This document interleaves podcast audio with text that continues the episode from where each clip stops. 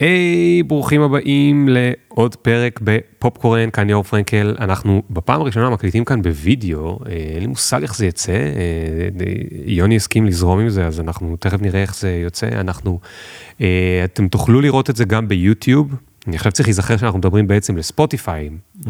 ולאנשים שמאזינים, כי הם יותר, אז אם אתם רוצים גם לראות איך אנחנו נראים כשאנחנו מדברים, יהיה את זה ביוטיוב, ואולי בכל מיני מקומות אחרים, אני לא יודע איזה מקומות יש, אבל אני אגלה כי יהיה את זה בווידאו.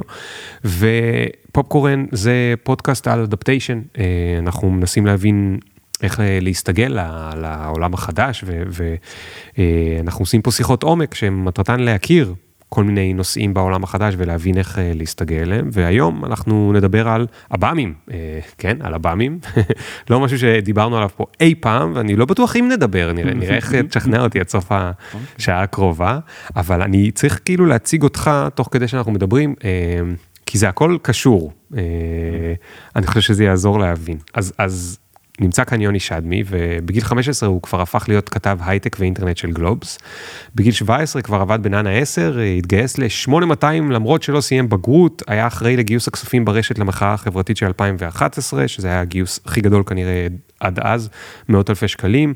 עשה תואר בספרות והיסטוריה באוניברסיטת תל אביב, שהיה אמור להמשיך לדוקטורט, בסוף לא הגיע לדוקטורט מסיפור אחר.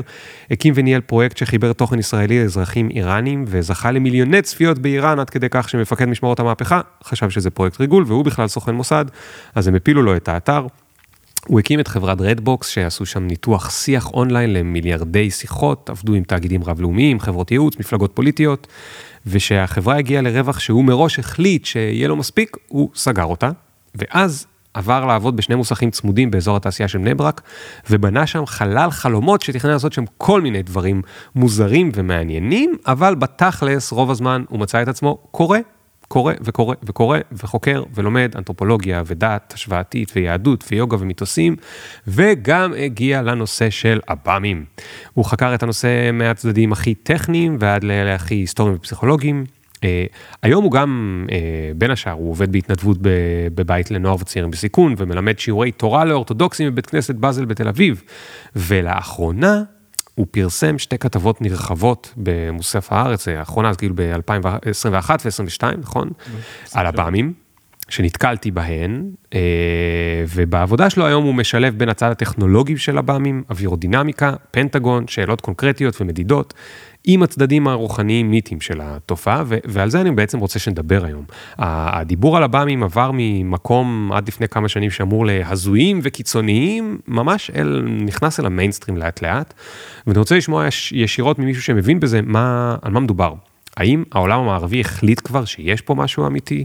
מה העדויות שיש לנו? כמה אנחנו יכולים להאמין להם או לא? מה, ומה אני, אני, אוקיי, ליאור, בן אדם רציונלי, שגדל על אמונות שהבא עם זה שטויות במיץ עגבניות, אמור לחשוב על זה. אני רוצה שנתקוף את זה מהמקום של חשיבה ביקורתית, שתעזור לי להבין איך בכלל לחשוב על זה ואיך לתפוס את זה. זה, זה יהיה נחמד לדבר על זה גם סוציולוגית ו, ו, ופסיכולוגית ומהכיוון מה, של, של מיסטיקה וכולי, אבל גם קודם כל אני צריך כדי בכלל שיהיה לי את הסבלנות ואת הרצון להיכנס לזה אה, מהמקום הרציונלי, אז ניתן למוזיקה את המקום שלה ונתחיל בעוד שנייה. Yeah.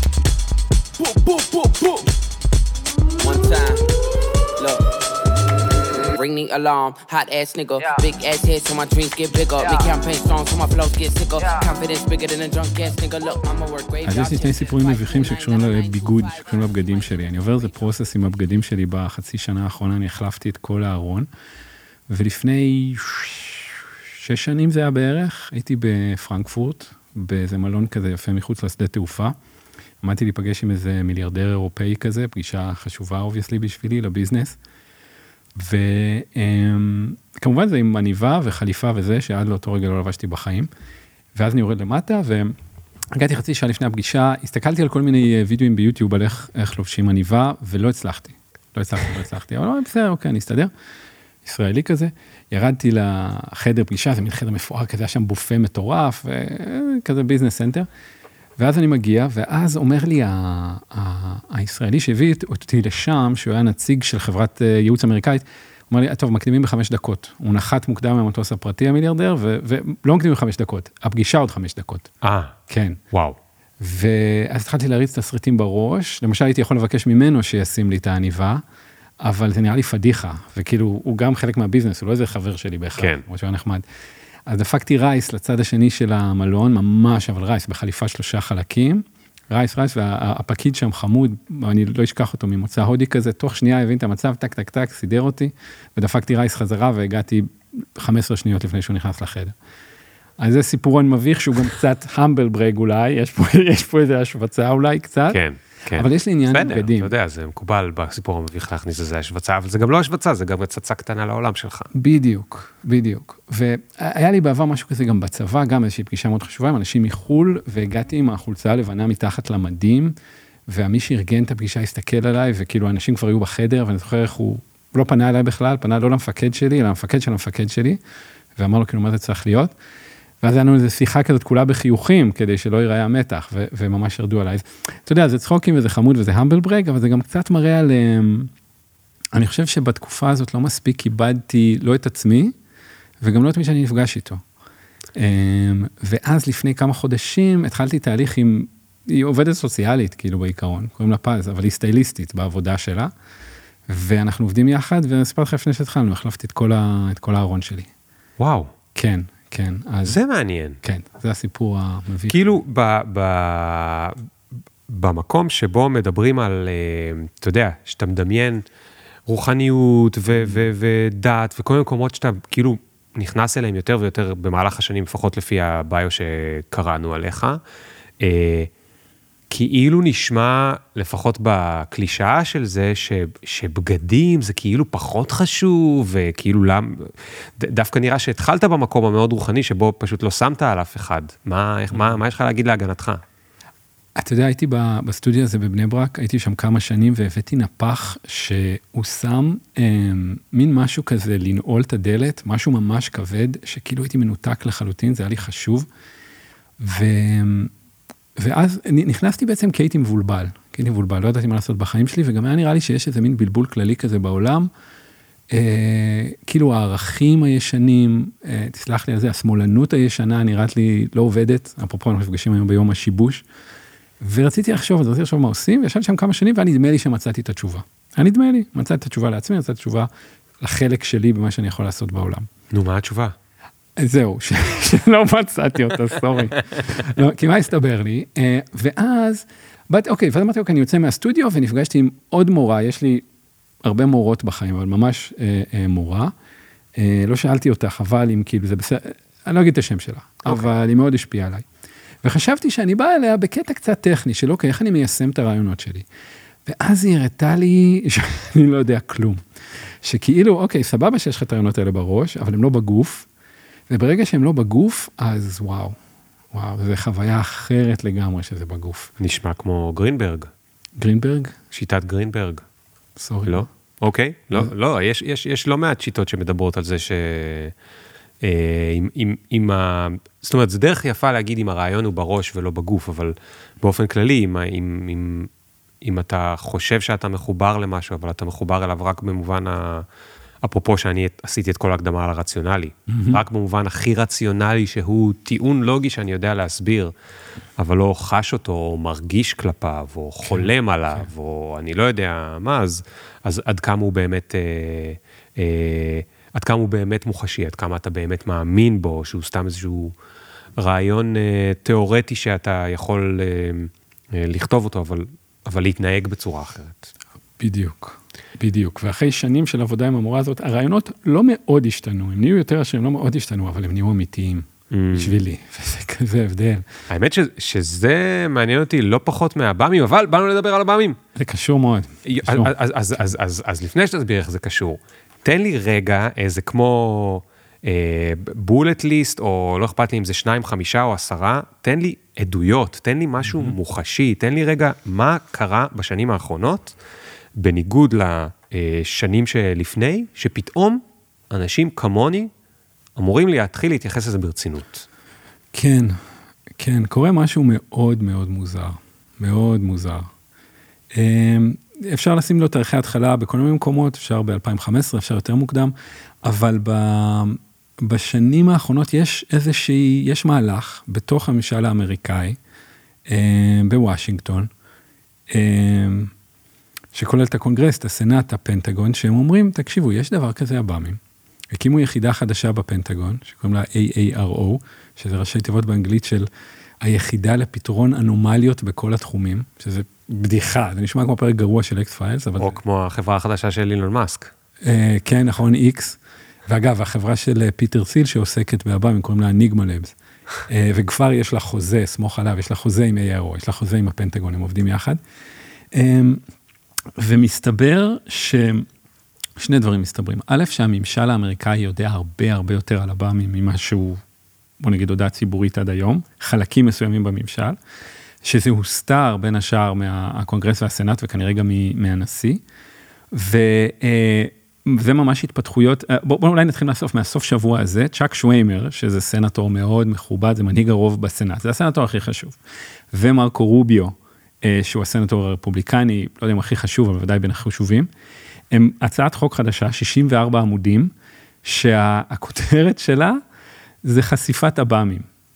UAP disclosure, הם כבר לא אומרים עב"מים אה, אה, בשפה, אבל השפה הזאת למשל כוללת הגדרה מה זה עב"ם, וגם מה זה חייזר, שגם לא מה שהם משתמשים בו, הם קוראים לה NHI, Non-Human Intelligence. אה, וצריך לקרוא את הדברים בשביל להאמין, אבל הם אומרים כן, אנחנו הולכים לחשוף את מה שאנחנו כנראה כבר יודעים, אוקיי? מה, ש, מה שכנראה כבר ידוע. אה, ומה שכבר ידוע זה שבמשך שנים איזה שהם גופים סודיים כנראה של הפנטגון חוקרים את זה, יש להם איזושהי אינטראקציה עם זה. ומה שהשתנה בשנים האחרונות זה שבפני ועדות המודיעין והכוחות המזוינים אה, של הסנאט ובפני המבקר הכללי של משרד ההגנה והדברים מאוד הדברים הכי סאחים, המבקר הכללי של, אה, של קהילת המודיעין, באה רשת של אנשים, שאני אצטט את מרקו רוביו, הם מאוד בכירים, הם מאוד חכמים, והם כאילו עמוק בתוך הגוורמנט, והם אומרים, תראו, יש עניין עם עב"מים. יש עניין עם עב"מים, אנחנו נתקלים בהם כל הזמן, יש עלייה בכמות ההתקלויות שבהם, אנחנו לא יודעים מה הם, לפי ההגדרות החוקיות לפי ההגדרות ש-ARO עובדים איתם, זה דברים שהם חורגים מהיכולות הפיזיקליות הידועות לנו, ואז יש סדרה ארוכה של תקריות שפורסמו, אה, שבעצם אומרות, כן, הדבר הזה הוא אמיתי, אנחנו לא יודעים מהו. הוא, אם אני אצטט נגיד את תת שר ההגנה לשעבר לענייני מודיעין, הוא אומר, הם כל הזמן פולשים למרחב האווירי שלנו, שזה אמור להיות המקום הכי מוגן על כדור הארץ, זה מרחב אווירי צבאי אמריקאי, אסור לך להיות יתוש שם. ונכנסים לשם ברוטיניות כל הזמן דברים שנראים מוזר ומתנהגים מוזר, לא נראים כמו רוסיה או סין בכלל. וזהו, וזאת המציאות החדשה, ואחד הדברים שמדהימים אותי, אתה יודע, אנחנו יושבים פה, למשל התזכיר חוק הזה, מהסוף שבוע, יש כל הזמן התפתחויות, כן, ויש עכשיו שימוע עוד כמה ימים, כל כמה זמן יש שימועים שיעידו בו, זה שזה לא נקלט כל כך. גם עכשיו מי ששמע את זה, אני בספק אם הוא לוקח הרבה זמן לאבד את זה, אתה הזכרת. אני יכול להגיד לך על עצמי, אתה דיברת, ותוך כדי היה לי במין כזה, הוא רציני, מה קורה פה? אתה יודע, קצת נזכרתי ב X-Files, התחלתי לחשוב על סקאלי. Uh, What's going on? What's going on? אתה כאילו אומר לי את זה ואני לא באמת מצליח ל... דיברנו קודם על בין גוף לראש. הבנתי מה אמרת לי, אבל אני לא מרגיש שהבנת מה אמרת לי. כי נגיד. אתה יודע, זה כמו שאומרים אה, הרבה פעמים, אם, אם נדבר על זה באקזיסטנציאליזם, או בפילוסופיה, או ב... אם באמת הייתי מבין. שחיי הולכים להסתיים, יכול להיות שהייתי עכשיו מתאבד. Mm. זה היה מסב לי כל כך הרבה צער, שפשוט כבר הייתי הולך ומתאבד עכשיו. Mm, אם באמת הייתי מבין, ויש לי כל מיני מנגנונים שעוזרים לי לא לחשוב על זה כל הזמן, שחיי יסתיימו. אלא להתרכז בעתיד היותר קרוב, ולא לחשוב, לא להתרכז בזה יותר מדי, וזה מה שגורם לי להמשיך לחיות את חיי באושר, או לנסות לרצות להשיג אושר, לגדל את הילדים שלי, להשיג פרנסה וכולי וכולי, אם באמת זה היה נקלט לי. ואתה כאילו אומר את הדברים עכשיו, אם באמת הייתי מאמין לך, יכול להיות שמה שהייתי עושה עכשיו זה רץ לחפש איזשהו מקלט ולהתחבא בו. Mm-hmm. אני, אני, קשה לי נורא ל, ל, להבין את מה שאתה אומר, אבל רגע לפני שאתה ממשיך, למה כל כך דחוף, נגיד שבאמת הדברים האלה קורים כל הזמן. מה האינטרס של אותו בחורצ'יק רציני, אוקיי? הסנאט החשוב ביותר, כן. להפוך את הדברים לפתוחים. זאת אומרת, נגיד שהוא הבין שהדברים הם חשובים, אז למה שהוא לא יגיד, אני רוצה יותר כסף למימון whatever, כן. אני רוצה להקים ועדה חדשה ל whatever. כן. למה מה שהוא רוצה להעביר זה, אני רוצה שזה יהיה public, כי זה, כי זה גישה מאוד uh, ספציפית וגם לא כל כך נשמעת אופיינית לאמריקאים, עם כל ה-CIA שלהם וה-DEA וכל ה, מה כן. שהם אוהבים. כן, אני אענה לך תשובה שהיא קצת אה, צינית אולי, והיא כמובן תיאורטית. קודם כל אני לא יודע. אני לא יודע, ואני לא חושב שכרגע מישהו יודע חוץ מהאנשים האלה, למה, למה זה המהלך. אבל אנשים שאני סומך עליהם ומדבר איתם, ואני מדבר עם הרבה אנשים, וגם הייתי בוושינגטון, אמ, בקונגרס וזה, ושוב, זו תשובה קצת צינית. הידע הזה כנראה, בין ידע וגם החוק, שוב, אני, אני לא מאמין שאני אומר את הדברים, יש פה פרק של אקספייד, אבל החוק מדבר במפורש גם על שברי עב"מים וגם על דגימות ביולוגיות מתוך גוף, שהחוק אומר, אם דבר כזה נמצא איפשהו, אתם, זה של הממשלה הפדרלית ותביאו לנו את זה עכשיו. זה מה שהחוק אומר. אז התיאוריות להבנתי, הדבר הזה כנראה נשמר לפחות בחלקו אצל קבלנים פרטיים. יש קבלנים פרטיים מאוד רבי עוצמה, לא קידמרתי, אני סתם אומר את השם, כן, אני לא יודע איזה קבלן בדיוק, אבל זה חברות עצומות שהן קבלניות פרטיות של הפנטגון, וזה נשמר שם, אחת הסיבות שזה נשמר שם, כי אם משהו מוגדר רכוש פרטי בחוק האמריקאי, אז למשל, בקשות חופש המידע לא יכולות להגיע אליו. Mm-hmm. למשל, בגלל שזה סוד מסחרי, זה מוגן. אמ, אז ו... רגע, בוא נראה אם הבנתי. נגיד אני לא קידמרתי, נגיד אני איזושהי חברה שיש לה נגיד מל"טים. אוקיי? Okay. אוקיי. אני קבלן פרטי של ממשלת ארה"ב, ואני, בגלל שאני הקבלן הפרטי, אני זה שמייצר ומוכר למל"טים. בגלל שיש לי הרבה מאוד מל"טים, ואני עושה הרבה ניסויים במל"טים וכולי, אז המל"טים שלי מדי פעם במצלמות שלהם קולטים כל מיני דברים שהם allegedly אולי UFO, זו עוד מעט mm. תלמד אותי את המינוח, ולכן עכשיו הם מוקלטים ונמצאים אצלי, ואז מה שאתה אומר, הם, בגלל זה הם נמצאים אצל קבלנים פרטיים, לא, והוא היה רוצה פשוט לחשוף את זה? הם נמצאים אצל קבלנים פרטיים כי זה הדרך להגן עליהם מפרסום. זה לא שהמל"טים שלא קידמרתי נתקלים בהם, אלא שאם אתה רוצה להסתיר משהו מהקונגרס ומהסנאט, דרך טובה לעשות את זה, זה לשים את זה בידיים פרטיות. אם אתה, מי זה אתה שרוצה להסתיר? אוקיי, אז זה, פה מתחילות השאלות באמת. איזשהו, לפי, אוקיי, אז אני, אני פשוט אצטט גדולים אה, וזה, אוקיי? יש אדם בשם אה, רלף בלומנטל, שהוא היה כתב בניו יורק טיימס 45 שנה, זוכה פרס פוליצר, אה, ראש דסק שם.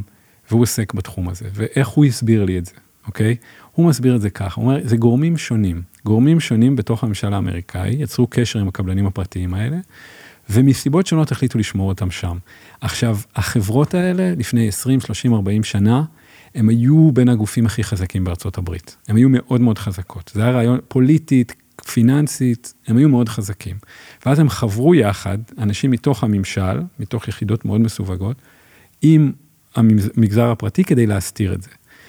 ואז, מה שקורה עכשיו זה שהחברות האלה בעולם של היום, ואתה עוסק בזה גם פה, הן כבר לא כל כך חזקות. מי שחזק היום זה הטק, הענקיות טק, יותר חזקות, יותר עשירות, יותר מחוברות פוליטיות. והתיאוריה הצינית אומרת, אוקיי, הן רוצות חלק בחגיגה. אם יש סוד כזה שנשמר, הן לא מוכנות שזה יישאר אצל לוקיד מרטין, שהשווי שוק שלה הוא כלום בהשוואה, לא יודע כמה הוא, בהשוואה לאפל בוודאי שהוא הרבה mm. פחות. ולהם גם יש את ה... לפחות תאורטית, את ה-best minds ואת המדענים הכי טובים ואת היכולת לחקור את זה. כמובן שזו שערורייה הרבה יותר גדולה מהמאבק בין כוחות תאגידים שונים בארצות הברית. כן. אבל זה תיאוריה אחת, למה זה קורה עכשיו. כי... אבל רגע, גם שם עדיין לא הבנתי הכל. למה מלכתחילה אותו בן אדם ב... איפשהו בממשל mm-hmm. רוצה לשמור על זה? מה זאת אומרת? למה שהוא ירצה לשמור על זה? כי, כי מה? כי זה פריט מידע ששווה כסף, או כי סתם כי זה מעניין, או כי הוא רוצה להסתיר את זה ממישהו אחר? אני שוב אגיד שאני לא יודע, אבל אינטרסים כדי להסתיר דברים, מה שלמשל התזכיר האחרון של החוק אומר, הוא אומר היה over קלסיפיקציה. היה יותר מדי קלסיפיקציה, אה, אבל אני לא חושב שזה הסבר ביורוקרטי כל כך פשוט. כנראה שיש כאן גם אינטרסים פרטיים, וגם מעבר לזה, תשמע, אפילו ברמה הבסיסית של איך מודיעין עובד, אפילו להבדיל אלף אלפי הבדלות המערכת המבולגנת בישראל, ארגונים נוטים לשמור לעצמם דברים. זה הדיפולט שלהם. אוקיי. Okay. עכשיו, אם יש לך מצד אחד את זה, ומצד שני, למשל, אדם אחר שדיברתי איתו, קוראים לו לואיס אליזונדו, הוא היה בכיר בפנטגון, הוא היה בראש איזשהו מאמץ שקשור לעב"מים, לא, לא התוכנית המרכזית, אבל משהו אחר. והוא מתאר, אוקיי, אתה בא לתדרך את שר ההגנה, ואתה אומר לו, תשמע, יש את הדברים האלה באוויר, אנחנו לא יודעים מה הם, זה מאוד בעייתי, אני לא יכול להגיד לך על זה יותר מדי בלי מאמצי איסוף מאוד רציניים. ואתה שר ההגנה, ויש לך פוליטיקה על הראש, יש לך מלחמה בעיראק, מלחמה באפגניסטן וכולי ושם. אז צריך אופי מאוד מסוים בשביל להגיד, טוב, בוא נחקור את זה, בוא נפוצץ את זה. הרבה יותר סביר אם הפכתי להיות שר ההגנה של ארה"ב, שתגיד, אוקיי, let sleeping dogs lie, כמו שאומרים באנגלית, בוא, בוא, בוא, בוא לא נפוצץ את הדבר הזה. אמ, אני אתייק את זה איפשהו. כן, כן, בדיוק. אני אתייק את איפשהו את הידיעה הכללית הזאת, ואם איפשהו אצל איזה תת קבלן יש חתיכה מהבם שהגיעה לשם לפני 30 שנה והם חקרו אותה ולא ידעו מה לעשות איתה, אוקיי, בסדר, אני אחיה עם הדבר הזה. אוקיי, אז, אז, אז אתה אומר שעצם הצעת החוק שלו, זה כבר מראה לנו איזושהי רצינות מאוד גדולה לגבי הזה. זאת אומרת, כדי שהוא ילך ויציע חוק כזה, והצעת חוק הזאת שהוא מציע מיד כמובן התפרסה בחדשות לכל העולם, כן. הוא כנראה היה צריך, כדי לא להביך את עצמו, להיות משוכנע שהדבר הזה הוא לא שטויות במיץ עגבניות, כמו שאמרתי בהתחלה. זאת אומרת, כנראה שהובאו לפניו כן. מספיק דברים כדי שאדם במעמדו, שזה מעמד מאוד מאוד גבוה בעולם המערבי, יהיה מוכן לדבר ככה ברצינות. ואתה אומר, אם הוא, אז אולי גם... כן, זה הוא אומר, כל מה שאמרת עכשיו זה הוא אומר. בסוף 2000, אה, בסוף שנה שעברה, עבר חוק, יש חוק של, כמו חוק ההסדרים של מערכת הביטחון האמריקאית, שביידן חותם עליו, ויש שם 35 עמודים על הבאמים. והחוק הזה קבע מנגנון whistleblowing, שמסתבר שנקרא מטריינות בעברית. ואמר, אם אתם יודעים על זה משהו, אתם מוזמנים, יש לכם חסינות, בואו לקונגרס, בואו למבקר הכללי. ואז התחילה עלייה לרגל. אם אתם יודעים על משהו על עב"מים, הכוונה? כן, ספציפית, על הבאמים, אגב, כבר לא אומרים עב"מים, אומרים UAP, Unidentified Anomalous Phenomenon, זה, וזה משמעותי, זה כי, כי זה כנראה לא רק הכלי רכב המעופפים האלה, Mm. אם זה כלי רכב. אה, כי UFO זה ה flying. כן, UFO אוקיי. זה Unidentified Flying Object, וזה לא רק flying, כי גם רואים את זה בתוך הים ובחלל, וזה גם לא רק אובייקט, שזה אולי להמשך השיחה. אבל um, בעקבות התיקון הזה לחוק, ששוב, זה הדבר הכי סאחי, הכי, זה נקרא NDAA, זה, יש שם טריליארד תקנות שהם מעבירים, זה קובע את התקציב, תקציב של בערך 800 מיליארד דולר. ואמר, אוקיי, אם אתם יודעים משהו, אתם מוזמנים לבוא. ואז התחילה, אני מצטט את מרקו רוביו עכשיו, סליחה, אנחנו רואים את זה אבל במקורות אחרים, הוא קרא לזה Vest Web, רשת רחבה של אנשים שסיפרו את מה שסיפרתי עכשיו, פחות או יותר, כנראה יותר, כן, יותר. סיפרו את זה וסיפרו את זה לקונגרס ולסנאט ולמבקר הכללי. ואז מרקו רוביו, מה הוא אומר היום, וזה מה שהוא אומר, תקשיבו, יש שתי אפשרויות, אוקיי? או שאותה רשת של אנשים מאוד חכמים ומאוד high in our government, מאוד אה, אה, בכירים בממשלה, השתגעו, מילים שלו, או שיש פה משהו. השתגעו וגם השתגעו, ב... השתגעו בתיאום. השתגעו בתיאום, השתגעו תחת שבועה שהחוק הברית זה לא בדיחה כמו פה, אתה, אתה הולך לכלא לכמה שנים אם הם שיקרו. יש לנו שם של אחד מהמתריענים האלה, וזה היה הנושא של הכתבה האחרונה בארץ, שמו דיוויד גרוש, הוא אלוף משנה לשעבר, הוא היה אה, בכיר בגוף לוויינות האמריקאי, והוא אומר את מה שאמר, הוא אומר עכשיו, מה שאמר עכשיו, אבל בצורה הרבה יותר מפורטת. הוא אומר, כן, יש לנו אה, בערך תריסר עב"מים, הם שמורים בכל מיני מקומות, אנחנו מבינים שזה non-human intelligence, אה, הוא אומר את זה במפורש. אז הוא ואנשים כמוהו, בחודשים האחרונים עלו לרגל, וזה הוביל למשל להצעת חוק כזה בסוף שבוע הזה, אבל הצעת חוק כזה היא, היא פסיק, היא עוד שלב כן, בדרך. כן. היא, היא רק סיגנל. בדיוק, היא עוד סיגנל. אז, אז תכף תחזור ותמשיך לשכנע אותי שזה, אבל רק כדי שאני אוכל לדמיין. כן. במה מדובר? כי שוב, אני מהפעם האחרונה שהתעדכנתי, זה מה שהיה ב X-Files בתקופה ההיא, האם זה איזשהו יצור שנראה עם ראש ארוך כזה, וידיים ארוכות, ומשהו כזה שכנראה קשור, שקשור יותר לקומיקס כן. מלמציאות. על מה הם מדברים, כל החבר'ה האלה, שלל, מה שלל האופציות שמדברים עליהן? אז בואו נתחיל מההגדרה החוקית הכי יבשה, היא אומרת, אה, אינטליגנציה בעלת תודעה לא אנושית. זה טיפה יותר ארוך, זה שלוש שורות. אה, הם פשוט חייבים להגיד את זה בחוק, כי הם עוסקים בזה. אז אה, זה, ה, זה לגבי... כשאינטליגנציה זה כבר אומר שזה לא חיה? אה, אינטליגנציה, תראה, המגוון של התיאוריות בתחום הזה הוא עצום. כי יש למשל תיאוריה אומרת שזה סוג של תופעה טבעית, שאנחנו, כי כנראה יש איזשהו קשר בין הדברים האלה לתודעה. והאם אתה יכול להעלות על דעתך נגיד וירוס שיגרום לנו לראות דברים, אבל אז אתה אומר, אוקיי, סבבה, אבל רואים את זה ברדאר. נכון? זה, זה, זה נתפס במכ"מים, אז, אז זה לא יכול להיות רק בראש. אבל עדיין, המגוון של התופעות, נגיד, הם לא אומרים E.T., אף אחד לא אומר אקסטרה טרסטריאל. כי למשל, יכול להיות שזה משהו שכן נמצא פה. יכול להיות שזה AI שמישהו עבר פה לפני מיליון שנה וזרק מתחת לים איזה משהו בינה מלאכותית שפשוט רצה פה. יש הרבה מאוד אפשרויות. אפשר להיכנס לזה, מה, מה לא יודע, מה תומך בכל אפשרות, אבל מה שהם אומרים כרגע, הם די מרוכזים בקראפט, בדבר המרחף, ולא כל כך במה שמאחוריו, אני עוסק בזה עם אנשים אחרים, אני מנסה להבין, אנשים שבאמת היה להם סוג כזה של התקלויות, בין אם זה אנשי צבא אמריקאים לשעבר או אזרחים. אמ, למה הם מדברים איתך, האנשים האלה? אמ, לא יודע, אולי אם אתה הסיבה שאני מדבר איתך, כיף לדבר איתך.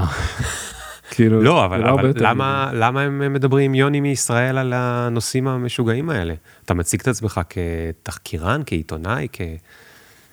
אמ, שאלה טובה, זה משתנה. זה גם קצת מתקשר למה שהתחלנו את השיחה איתו, זה תלוי מי. זה תלוי מי.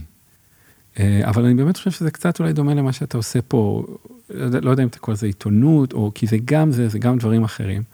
אבל לא להחליף לך את זה, יש משהו בך שכאילו, לא, אבל אני לא יודע אם אני לא. תמיד כזה פטפט, אני לא יודע. לא, כשאתה, כשאתה אומר את זה ככה, אני לא יודע אם אתה פשוט זורק את זה עליי, או שיש לך דברים שאתה לא יכול להגיד. אה, לא, אין לי, לא, בכ- בכלל אוקיי, לא. אה, זה לא מהמקום הזה. לא, לא, אני זה לא קשור לאיזושהי... אתה לא... אה, אתה לא באמת סוכן מוסד, אה, כמו. שהאיראנים אמרו, או שמע, של גם צריך לדבר ה-CIA. על זה, כאילו, הלוואי, האם אני. הולך להיות חטוף בסוף אה. התוכנית? כי אם כן, אז בוא רק נעלה את זה לאוויר קודם, כי זה יהיה מגניב. לא, לא, הלוואי שהיה לי איזה בקינג, הלוואי, ש- עזוב, הלוואי שהיה לי עם מי לדבר על זה. כמו שאתה רואה, אני רוצה לדבר על הדבר הזה, וכאילו, אנשים מגלגלים עיניים בדרך כלל.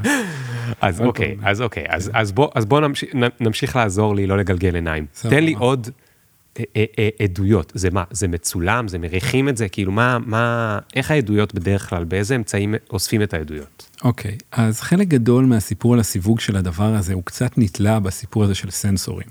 שכאילו אומרים, טוב, יש לנו סנסורים סודיים, אנחנו, ברגע שאנחנו מסווגים את זה לא בגלל מה שראינו בסנסורים, אלא כי עצם זה אם סין תדע שאנחנו יודעים להבחין בחפץ שזז במהירות כזאת וכזאת, בתנאים כאלה וכאלה, זה סוד, שזה לגיטימי. אה, מה שאני חושב שכן צריך, אבל עצם הידיעה על הדבר, כאילו אולי לא צריך את כל הפרטים של כל ההתקלויות. מה שאנחנו יודעים, סליחה, יש כמה סרטונים שהאמריקאים שחררו, הם, הם מגיעים מפליר, הם מגיעים מסוג של מצלמה שהיא אינפרה אדום. זה לא, זה נראה מאוד מוזר, אבל בטח בלי הכשרה מקצועית וגם אנשים עם הכשרה מקצועית, הם אומרים, אוקיי, זה נראה מוזר. אבל מה זה, זה נראה, מה רואים שם, מאוין? יכולים לראות מאוין, יכולים לראות מין משהו שמשנה צורה. יש גם נתונים שהם עומדים מאחוריהם, שהם אומרים, אני אתן לך דוגמה שלא תאמן, כן? לרדת מ-50 אלף רגל ל-50 רגל מעל גובה פני הים תוך שנייה. הפנטגון, הצי מאשר, כן, קלטנו כזה עצם. עכשיו הדבר הזה, הפנטגון מאשר? כן, כן, כן. עם זה היינו צריכים להתחיל, יוני. סבבה, אוקיי. אז אתה, אתה אומר שיש איפשהו תיעוד של עצם כלשהו, שיורד מ-50 אלף רגל ל-50 מטר בתוך שנייה. נכון, שהתיעוד הוא רדאר. יכול להיות שזה גם צילום, אין לי זאת צילום אומרת, של- ואין אף אחד שטוען שזה בעיה במכשירים שצילמו, או, או, או יותר נכון, יש כנראה כל מיני. טענות כאלה, אבל, בדיוק. אבל יש מספיק אנשים שמראים ש... מה ש-ARO אומרים, הארגון של הפנטגון שהם הקימו בשביל לבדוק את התקריות האלה, אז הם התחילו מ-143 תקריות, והם אמרו 141 אנחנו לא יודעים להסביר. אין לנו הסבר, אנחנו שמים את זה בסל של אין הסבר, אחרי שבדקנו תקלות בסנסורים והצלבנו נתונים ובדקנו הכל. זאת אומרת, יש מאות כאלה, ומאות, והעמדה הרשמית האמריקאית כרגע, אנחנו לא יודעים להסביר את זה. ולמשל, נגיד, אה, אה, אה, מולטיירי, עוד תת-שר הגנה אמריקאי, אמר שנאסא חיונית לפתרון הדבר הזה. כשאתה אומר שנאסא חיונית, נאסא עשו לראשונה אחרי ששנים, כל ההיסטוריה שלהם, לא הם יכולים לגעת בזה, עשו כנס ציבורי, עכשיו, לפני חודש, שהנושא שלו, איך אנחנו מסירים את הסטיגמה מהבאמים. איך אנחנו מתחילים להפעיל את המערכות האפיסטמולוגיות שיש למין האנושי, שזה מדע, אה, לסוגיו וגם דברים אחרים, כדי להתחיל להסתכל על הדבר הזה ברצינות. לא שאנחנו יודעים מה התשובה. זאת אומרת, נאס"א החליטו לגייס את האינטליגנציה של הציבור, הם רוצים למה, שיהיו יותר יזמים בתחום, הם רוצים שיהיו יותר אוניברסיטאות שמצטרפות אליהם, הם רוצים לגייס את הציבור להתעסק בדבר הזה שהוא, פעם היה UFOs והיום קוראים לזה בשם אחר שהוא כל אינטליגנציה שהיא לא אה, כן. אנושית. נאס"א אומרת, אוקיי, נגיד באים לבדוק אה, מה, איך אנחנו מנחיתים בן אדם על מאדים. אז יש המון מערכות ידע אנושיות שיהיו מעורבות בכזה פרויקט. יש חברות פרטיות, ויש ממשל, ויש אקדמיה. והם אומרים, אוקיי, בואו תתחילו להתעסק עם הדבר הזה. אה, תתחילו לעבוד על זה, כן. אני, אני חושב שהפודקאסט הזה יקשיבו לו עוד, אני לא יודע אם זה ייקח כמה שנים, יכול להיות שפחות, אני לא מאמין שיותר, אבל זה, זה, זה נכנס, זהו, זה נכנס, אין, לי, אין לי מושג מה התשובה, אבל זה נכנס לחיים שלנו. המערכות האלה נכנסות לפעולה. זאת אומרת, אתה אומר שבעוד, אה, כמו שלפני חמש שנים, רוב האנשים שאמרו להם AI אמרו, "פח, בסדר, שמענו, הוא יודע לשחק שחמט, והיום היה צריך את צ'אט GPT 4 בשביל, אה, או שלוש וחצי כבר הספיק, כדי לגרום לאדם הממוצע על כדור הארץ להגיד, אה, הבנתי, יש דבר כזה והוא באמת חכם. אז אתה, אתה מעריך שבעוד כמה שנים אנחנו נהיה במקום שבו זה ייראה לנו נורמלי, שיש גוף וגופים, ואולי אפילו כל ממשלה מקצה לזה קצת כסף, אה, אה, וזה חלק מכל מערך אה, מדעי, גם לבדוק מה קורה לגבי יצורים או גופים או... אז א', יש כבר גוף כזה, ה-ARO, זה גוף של הפנטגון, מתוקצב על ידי הפנטגון והכל, סליחה, שזה מה שהוא עושה, זה העבודה שלו, פתרון אנומליות, המשרד לפתרון אנומליות, זה ממש נשמע כמו כותרת של... כן. ספר אה, זה. אז כן, יהיה עוד גופים כאלה, אין שאלה בכלל. הקנדים עכשיו נכנסים לתמונה. ישראל, הלוואי, זה משהו שמתאים לנו בול. בול בול, כי זה כאילו, זה באדג', זה לא ברור, זה דורש הרבה חשיבה מקורית, זה לא איזה משהו established שצריך לבנות עכשיו תאגיד גדול שאנחנו פחות טובים בזה אולי. אמ, ותשמע, אולי זה כבר קורה, אולי איפשהו בתל אביב באיזה דירה יושבת חבורה של תלפיונים, אני מקווה, ואתה יודע, מקבלת נתונים מהאמריקאים או אפילו מחיל אוויר, והלוואי, אני לא בטוח שזה שם, אני לא יודע. אוקיי, רגע, מה, תגיד, מה, זה אומר משהו לגבינו? זאת אומרת, האם אנחנו צריכים, נגיד, ל, ל, לפחד? מה, הרי זה בדרך כלל הרגע ש, ש, ש, שפונים אליו, אבל מה, מה, מה, זאת אומרת, זו שיחה ארוכה, אבל בוא נקפוץ רגע לסוף שלה. נגיד שהיינו עושים עכשיו את כל השיחה, אז בסוף מה היית אומר לי? יש תקווה כי אולי להם יש מזור לאנושות, או היית אומר לי, כל מה שאנחנו יודעים זה, כל מה שאנחנו יודעים כרגע על היקום, זה יכול להיות שנבין שזה שבריר קטן ולא מעניין ממה שבאמת הידע, או שאני אמור ללכת למקום של פחד, או כאילו, לאן זה לוקח אותך, שמתעסק בזה, במקום כאילו האישי? אחת התיאוריות למה לא חושפים את הדבר הזה, כי זה יעורר פאניקה. כי אם באמת אפילו מבלים עם זה רבע שעה ומתחילים לחשוב, אוקיי, נגיד שאנחנו מכריזים רשמית שיש פה על כדור הארץ אינטליגנציה לא אנושית, ששוב, אנחנו די כמעט שם, זה כבר בחוק האמריקאי, נראה כמה זמן לפני שהם יגידו את זה. אה, מה זה אומר? ואז אתה מתחיל להסתכל על ההיסטוריה שלנו, ואתה אומר, mm, איזה דברים הם עשו בעבר, בלי לדעת כלום, כן? האם כל מיני רעיונות שלנו, דתיים למשל, יושפעו מזה? האם, מה המשמעות של לא להיות בראש שרשרת המזון? אם זה מה שקורה. זה פחד אלוהים בעיקרון. וגם אפשר לשאול דברים uh, קיצוניים כמו, זאת אומרת, הכל, הכל פתאום נהיה פתוח, נכון? אני יכול לשאול שאלה, מה מהדברים שאנחנו חושבים שאנחנו יזמנו, mm. אולי לא יזמנו, אולי מישהו הכניס לנו לראש, או הכניס לנו לספרים, או הכניס לנו, אני לא יודע לאן. כאילו, איך, איך אתה מציע, ואתה יודע מה, כאן דווקא אני אשמח להשתמש ב, בידע שלך ממקומות שהם קצת פחות רציונליים, אה, מהמקומות האחרים אה, של, של, של, של הדעת ושל האנתרופולוגיה ושל המקומות האחרים, איך, איך אני אמור בכלל להתייחס לזה? אני חושב שאפשר להתחיל מהפחד. אה, כי אם אנחנו מתחילים לדמיין, נגיד, נגיד חתול פה ברחוב, פה אנחנו, מקום מאוד יפה, בחוץ יש, יש חתול. הוא, הוא חי בסביבה שלא הוא קובע אותה, נכון? לא הוא, אין לו, הוא לא יכול להצביע בבחירות. כן. הוא, יש כוחות הרבה יותר חזקים ממנו שהם בעצם מעצבים את החיים שלו ואיפה הוא גר והרבה מאוד דברים. אז זה מפחיד לחשוב, להתחיל בכלל בקו המחשבה הזה, כי זה אומר, רגע, יש חתול ויש גם פרה ברפת, אנחנו יודעים מה אנחנו עושים לפרות, איך פרות מסיימות, הן לא יודעות, אנחנו יודעים. אה, אז זה מאוד מפחיד. זאת אומרת, יכול להיות שאנחנו פרה או חתול ב, בעולמם של כן. נשגבים מאיתנו.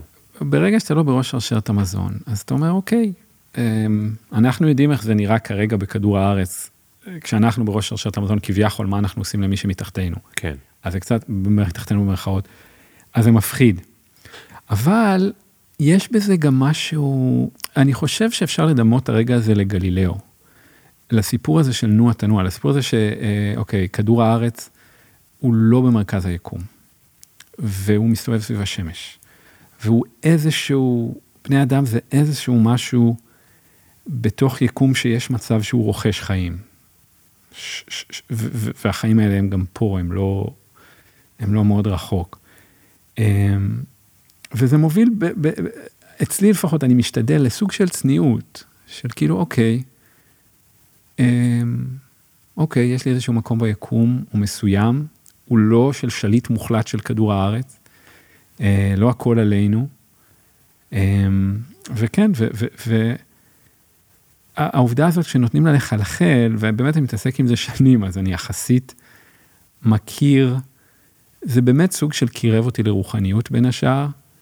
אמ, ש, שכל הדברים האלה זה יכול להיות משהו רע, כן? אתה יכול להיאחז ברוחניות בקטע לא טוב, ו, ואוקיי, שמשהו יציל אותי ו, ויצילו, או שאתה יכול להגיד, אמ, אני דבר מסוים. אם נשאר נגיד עם הדוגמה הזאת של החתול, אוקיי? כן. חתול, אי אפשר להסביר לו את שוק המניות, אוקיי? קח את החתול הכי חכם בעולם, ואת המורה חתולים הכי טוב שנמצא, החתול לא יבין מה זה שוק המניות. כן. זה כמו שהחרדים אומרים, זה לא שייך אליו. לא שייך לחתול, הוא לא יכול להבין. ואז אתה אומר, טוב, גם אנחנו בעצם כאלה. גם אנחנו יכולים מאוד להתאמץ, יכולים להיות חתולים מאוד חכמים, בני אדם מאוד חכמים, אבל יש לנו איזושהי מסגרת, יש לנו מגבלות ביולוגיות וגנטיות. וזה פשוט מזכיר לך את זה, לא, כביכול לא צריך quote unquote חייזרים בשביל זה, אנחנו יודעים את זה גם בלי. אבל אני חושב שבמאות שנים האחרונות קצת נוצרה לאנושות איזושהי אשליה, mm. שאנחנו אדוני היקום, כן. או כדור הארץ, או אפילו החיים שלנו. וזה קצת מתפוצץ לנו בפרצוף כזה, אז... אתה יודע, זה גם לא נשמע אבל יותר מדי רחוק ממה שקורה לי בדת, כי, mm. כי גם אם אני הייתי אדם דתי, גם אז אני לא בראש שרשרת המזון. יש מעליי אחד שקובע הכל ויודע הכל, ויש כל מיני ז'אנרים לאיך בדיוק הוא מחליט שהדברים יקרו, אבל כן. בכל הז'אנרים האלה בסוף הוא מחליט ויודע יותר ממני, ויש דברים שנשגבים ממני, וכאילו יכול להיות שהוא החליט פעם אחת ומאז הכל מתקדם, יכול להיות שהוא כל הזמן מחליט, יכול להיות שהוא נמצא פה איתנו באולפן, יכול להיות שזה לא מעניין אותו, mm. כאילו לזה אני מתכוון ז'אנרים, אבל בכל הז'אנרים האלה אני לא, אני מתחתיו בכל אופן, או תחתיה. כן, זה. או תחתם.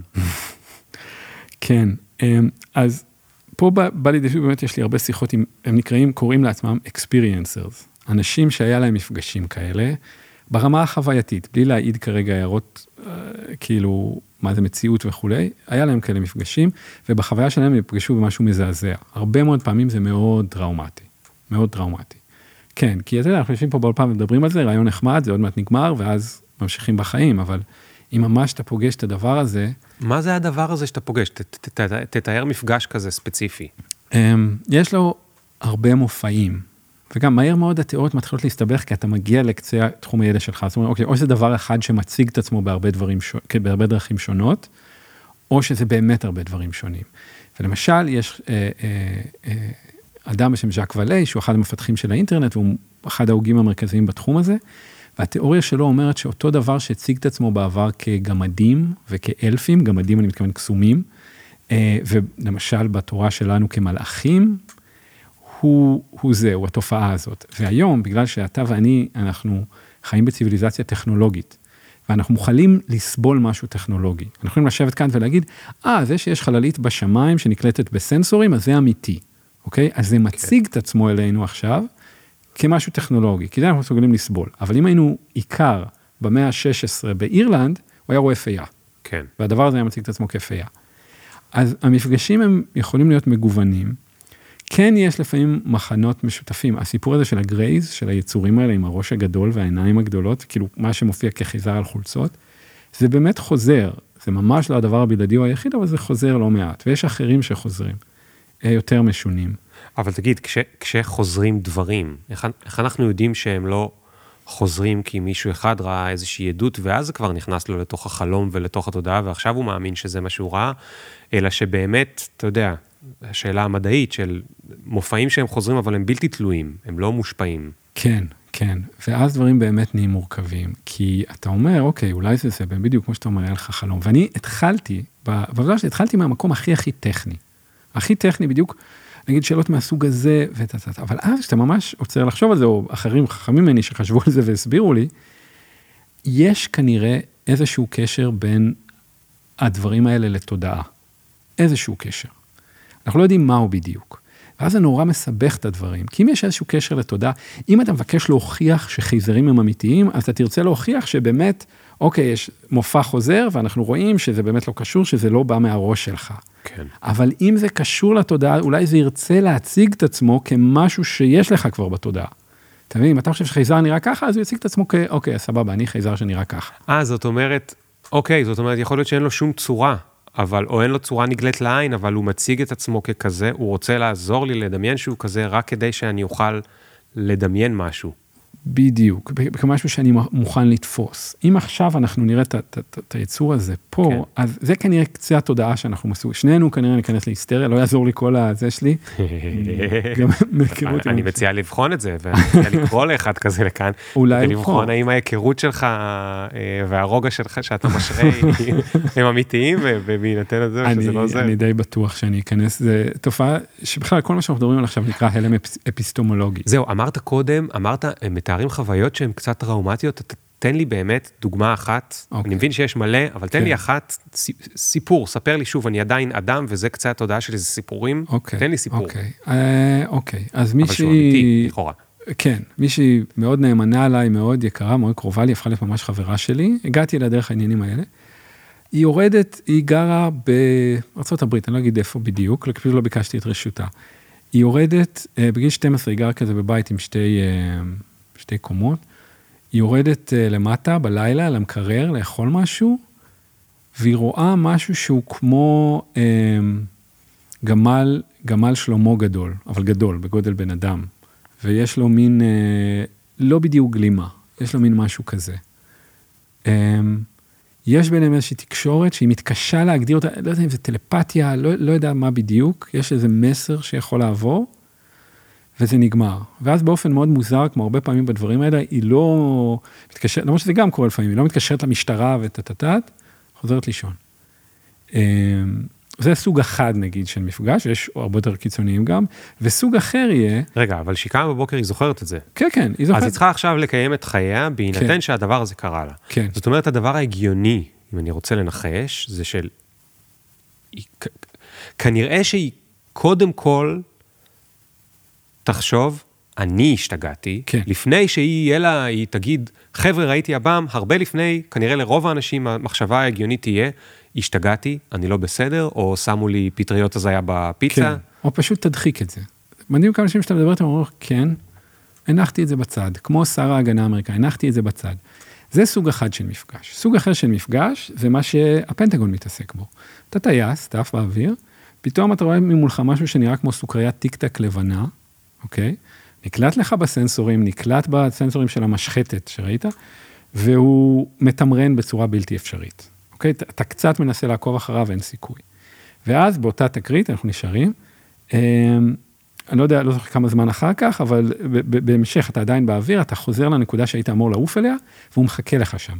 הוא מחכה בנקודה הזאת. ואז הוא עף משם. זהו, end of story. ואתה אמור להמשיך בחייך. אתה אמור להמשיך בחייך. כן, ואתה ממשיך בחייך. אגב, אגב, אתה מדווח על כל הדברים האלה. זה קרה למשל, תקריא את זה ב-2004. כן. לפני כמעט 20 שנה. אתה מדווח, אתה יודע, זה מדווח בצ'אנלס המתאימים. כן, עולות אינדיקציות משונות שמישהו שותה את המידע הזה, אה, היה להם איזה ביקור במשחטת אחר כך, זאת אומרת, אם יש איזשהו גוף שכן אסף כן. את הדברים האלה. אבל החיים ממשיכים. אתה עכשיו, אתה, אתה לא תסכן את הקריירה שלך, אתה לא כן. יכול לעשות מזה בלאגנים. תגיד, אתה, אתה בקיא גם בתיאוריות של הספקנים? זאת אומרת, גם לספקנים בטח יש הרי תיאוריות על תיאוריות על איך זה קורה. בטח, נגיד, בטח. אני, אני, אני לא כל כך בקיא, אבל נגיד מה שעולה לי עכשיו זה שיכול להיות שיש לנו באגים בנוירונים שלנו, ויש לנו באגים מסוגים ספציפיים, ויכול להיות שחלק מהבאגים זה שכשאנחנו באוויר אנחנו מדמיינים מנטוס, ואז יכול להיות שהרבה אנשים, אה, טיק טוק, אה, סבבה, דווקא מנטוס. מנטוס, ואנשים שונים ידמיינו מנטוס, אבל זה איזושהי בעיה שקשורה לראייה ולנוירונים וזה, ולכן את אותו באג יהיה להרבה אנשים שהם בסיטואציות כאלה. אה, יכול להיות, אפשר לשאול איך זה נקלט בסנסורים, אבל יכול להיות, יכול להיות שכל הדבר הזה הוא תופעה... אה, בסנסורים לא של העיניים, לא אלא ברדארים. כן, אה, נכון, זה די שובר את התיאוריה. יש לנו סרטון של הטיקטק הזה. אתה יכול, תכתוב טיקטק UFO בגוגל, אתה יכול לעשות את זה עכשיו, אפשר לעצור, וואו. ואתה תראה את הדבר הזה. כן. וואו. ושוב, כמה טייסים מדווחים וכמה סנסורים, וה-ARO יושב על זה, והוא יוצא בעבודה רשמית, אני לא יודע מה זה. לא יודע מה זה הדבר. וואו. כן. אז, אז אבל having said that, זה, זה ממש דורש לשמור את כל האופציות פתוחות. כן. כן, ושוב, יש הרבה תיאוריות ספקניות, אפשר לדבר עליהן, אפשר לשאול, אולי כל זה זה מבצע לוחמה פסיכולוגית של ארה"ב בשביל להסתיר פריצת דרך שהייתה להם. הטיקטק הזה הוא שלהם איכשהו. Mm. למשל, אפשר לחשוב על זה. אה, אפשר להגיד שאם כן זה, מצא, זה חסר תקדים, כי הם סיבכו בזה גם את הסנטור הכי בכיר שלהם ואת כל הוועדות שלהם, וכולם, כמו שהם רוביו אמר על כל הבכירים האלה, כולם השתגעו. כן. הם שיגעו את כולם בשביל כן. ההסתרה הזאת, לא יודע. למה בעצם שלא נאמין? בעצם, בעצם למה לא, לה... זאת אומרת, חוץ מהעובדה שעד היום חשבנו שזה לא יאומן, למה שבעצם לא נאמין? כי לא כולנו ראינו את זה, גם רובנו לא, היו, לא היינו ב... על קצה ההימאליה, ואנחנו מאמינים שזה הר מאוד גבוה. אנחנו, אנחנו גם לא רואים אינפרה אדום, אנחנו לא רואים המון תופעות טבעיות שהן אמיתיות. אולטרה סגול זה דבר אמיתי, זה חלק מהאור, זה שזה לא נקלט לנו בעיניים, זה לא שזה אז נתת. קודם אופציה אחת, כי, כי, כי אם הגופים שהם מספיק רציניים אומרים, אין סיבה שלא תאמינו, אבל אנחנו מפחדים שזה יעורר פאניקה. למשל, זו סיבה להסתרה כביכול. אגב, גם איך הפאניקה הזאת תיראה בכלל? כי אם הגופים האלה הם בלתי ניתנים ל... אז אני אפילו לא יודע מה... נגיד שאני אהיה בפאניקה, מה אני אעשה עם הפאניקה? אני רק כאילו... אסגר אמ, בחדר, מה...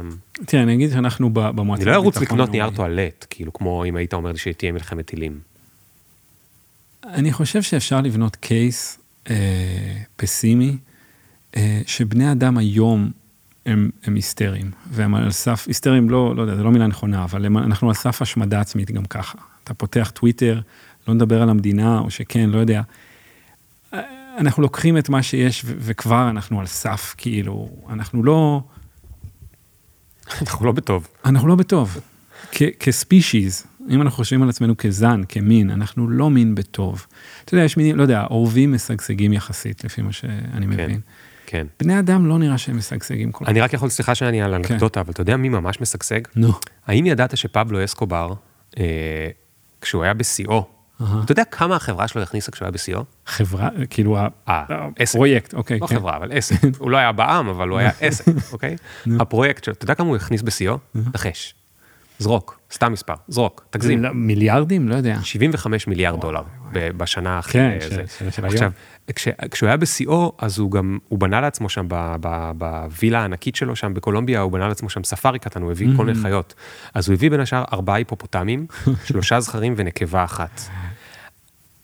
רבים לא יודעים שהיום יש אוכלוסיית היפופוטמים של 80 עד 100 וואו. אה, יחידות, או איך שלא אומרים את זה, אייטמס, שחיים שם לא, לא רחוק, הם כבר פגעו לגמרי בכל האקוסיסטם והם מאיימים גם על בני אדם. מין פולש. כן, מין פולש. אז, אז, אז סליחה שאני עושה רגע סגווי מהיפופוטמים, אבל מין פולש, אנחנו מדברים פה על פאניקה ממין פולש, זאת אומרת, בכלל, הסברת עכשיו על צורות של אינטליגנציה וכולי, אבל נגיד, ש, ש, נגיד שאני מאמין, ונגיד שאני מבין שיש את הדבר הזה, אוקיי? האם זה אומר, האם זה מיד מוביל אותי למחשבות שיש התיישבויות על planets אחרים, או על stars אחרים, או על משהו כזה, או שזה כאילו בכלל לא קשור, או שזה כאילו רק תת ז'אנר. יש תיאוריות, יש תיאוריות, אנחנו לא יודעים. ואגב, יכול להיות שאנחנו המין פולש. יכול להיות ש... שוב, להגיד את זה ככה בצורה קצת, אה, יכול להיות שכדור הארץ אף פעם לא היה שלנו. זאת אומרת, באותו אופן שהוא לא של העכברושים לצורך העניין, או לא יודע, הוא חיה יותר אה, טיגריסים. אה, היפופוטמים. היפופוטמים, בדיוק, ואולי באמת לרדת מה, מהרעיון הזה של ownership. אבל אני כן רוצה כאילו בכל זאת קצת להיות אופטימי, כי באמת ההתעסקות היומיומית בדברים האלה, אחד הדברים שהיא עשתה לי מתוך פחד, כן? אני כאילו, אני עושה יוגה כל יום, יש לי כל מיני תרגולות רוחניות שקשורות ליהדות, יש לי הרבה דברים שמחזיקים אותי מהרבה סיבות, לא, לא רק בגלל הבאמים. אמ, וכן, לא יודע, בא לי להגיד, בני אדם הם גם אחלה. כאילו עד עכשיו עסקנו בלהתעסק כמה אנחנו יותר קטנים ממה שאנחנו חושבים, אבל גם אם להתייחס לתיאוריית הנבגים במוח, או יכול להיות שאנחנו גם הרבה יותר גדולים ממה שאנחנו חושבים. יכול להיות שהסיפור הזה של התודעה שלנו הוא יותר משמעותי ממה שנדמה לנו. אמ, ושוב, אנחנו כן יודעים שהוא, או לא, אנחנו לא יודעים כלום, אבל הסיפור הזה של תודעה מופיע not in so many words, לא מפורש כמו הדברים האחרים, אבל גם בחקיקה האחרונה, שאחד האפקטים של הבאמים קשור לתודעה. אמ, אז, כי אפשר לחשוב על עצמנו בתור חיה מדהימה, חיה אדירה. אם אתה חושב על סרט טבע על בני אדם, איזה מגניב זה, איזה חמוד זה, כן. איזה נהדרים אנחנו. אז יש גם את הצד הזה. אנחנו אחלה. כן, כן, יש ימים שהאנושות... אבל אתה, אתה, אתה, אני, אוקיי, אתה יודע מה, אני, I'll make it personal. אתה מאמין שיש התיישבויות של יצורים אחרים, לא משנה אם הם נראים כמונו ממש אחרת, על כוכבים אחרים?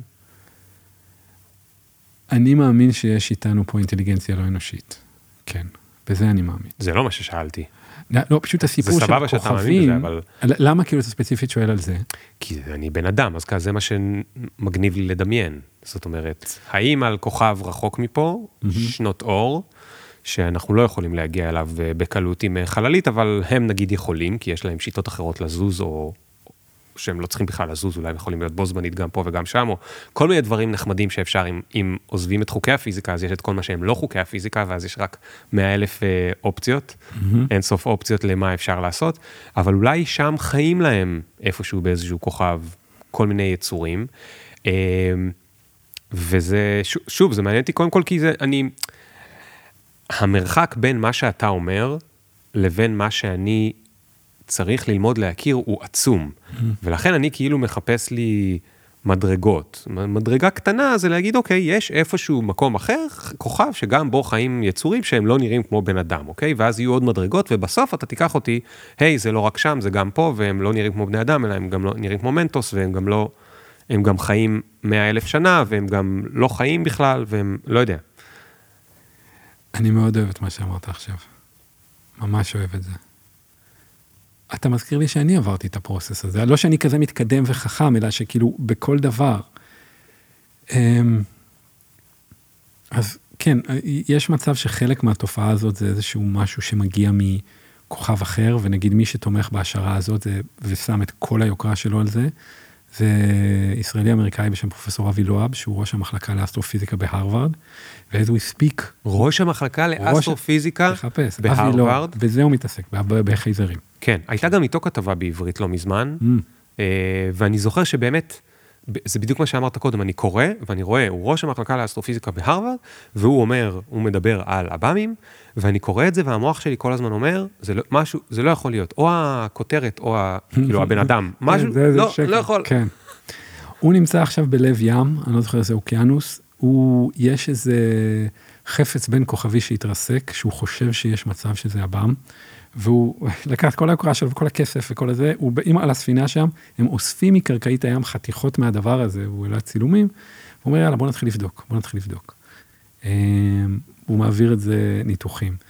אז כן, יש מצב שזה חלק מהתופעה, שזה חלק, יש גם, אני לא יודע אם לסבך עוד פשוט, כי אפשר. כן, כן, עוד בטח, לסבך? בטח. אוקיי, בוא נסתבך עוד. לא, כי, כי אני מאוד התחברתי למה שאמרת. ובתכלס, כאילו, גם מה אנחנו רוצים שהפודקאסט הזה יהיה, מה אני הייתי רוצה, כאילו, אני לא רוצה כאילו, לפחות לא רק, לא רק, אוקיי, עוד ריגוש, עוד זה, עוד, אלא משהו יותר תשתיתי, יותר מבוגר, יותר כאילו כנה, יותר כאילו, כי, כי אני יכול להפציץ, יש הרבה בנושא הזה, יש המון אה, זה, ו, וכן הייתי רוצה שאנשים יהיה זמן לעכל. אה, אבל אני הולך איתך, אני הולך איתך, נעשה את זה. גם ככה אני מרגיש שזה אחלה, כאילו, בתחושה הסובייקטיבית שלי, מי, מי שמקשיב או רואה עכשיו, אה, שהם יגידו, אבל...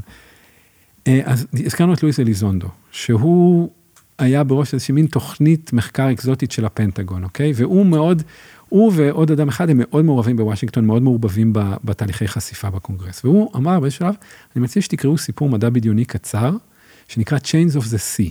אפשר לחפש את זה, יש את ה-PDF באינטרנט. והסיפור הזה, סיפור אגב קשה, נגמר קשה, הוא מספר על זה שמגיעים לכאן חייזרים מכוכב אחר ונוחתים. הם, מה שמעניין אותם זה אינטליגנציה אחרת על כדור הארץ. בני אדם מבחינתם זה פשוט עוד בעל חיים קצת נודניק. הם באו לדבר עם ההם, עם הבלתי נראים ההם. בסיפור יש ילד שבאמת יש לו סיפור כמו של אקספיריאנסר, שיש לו מגע עם האחרים האלה. וזה איך שהוא משתלב לו בחיים.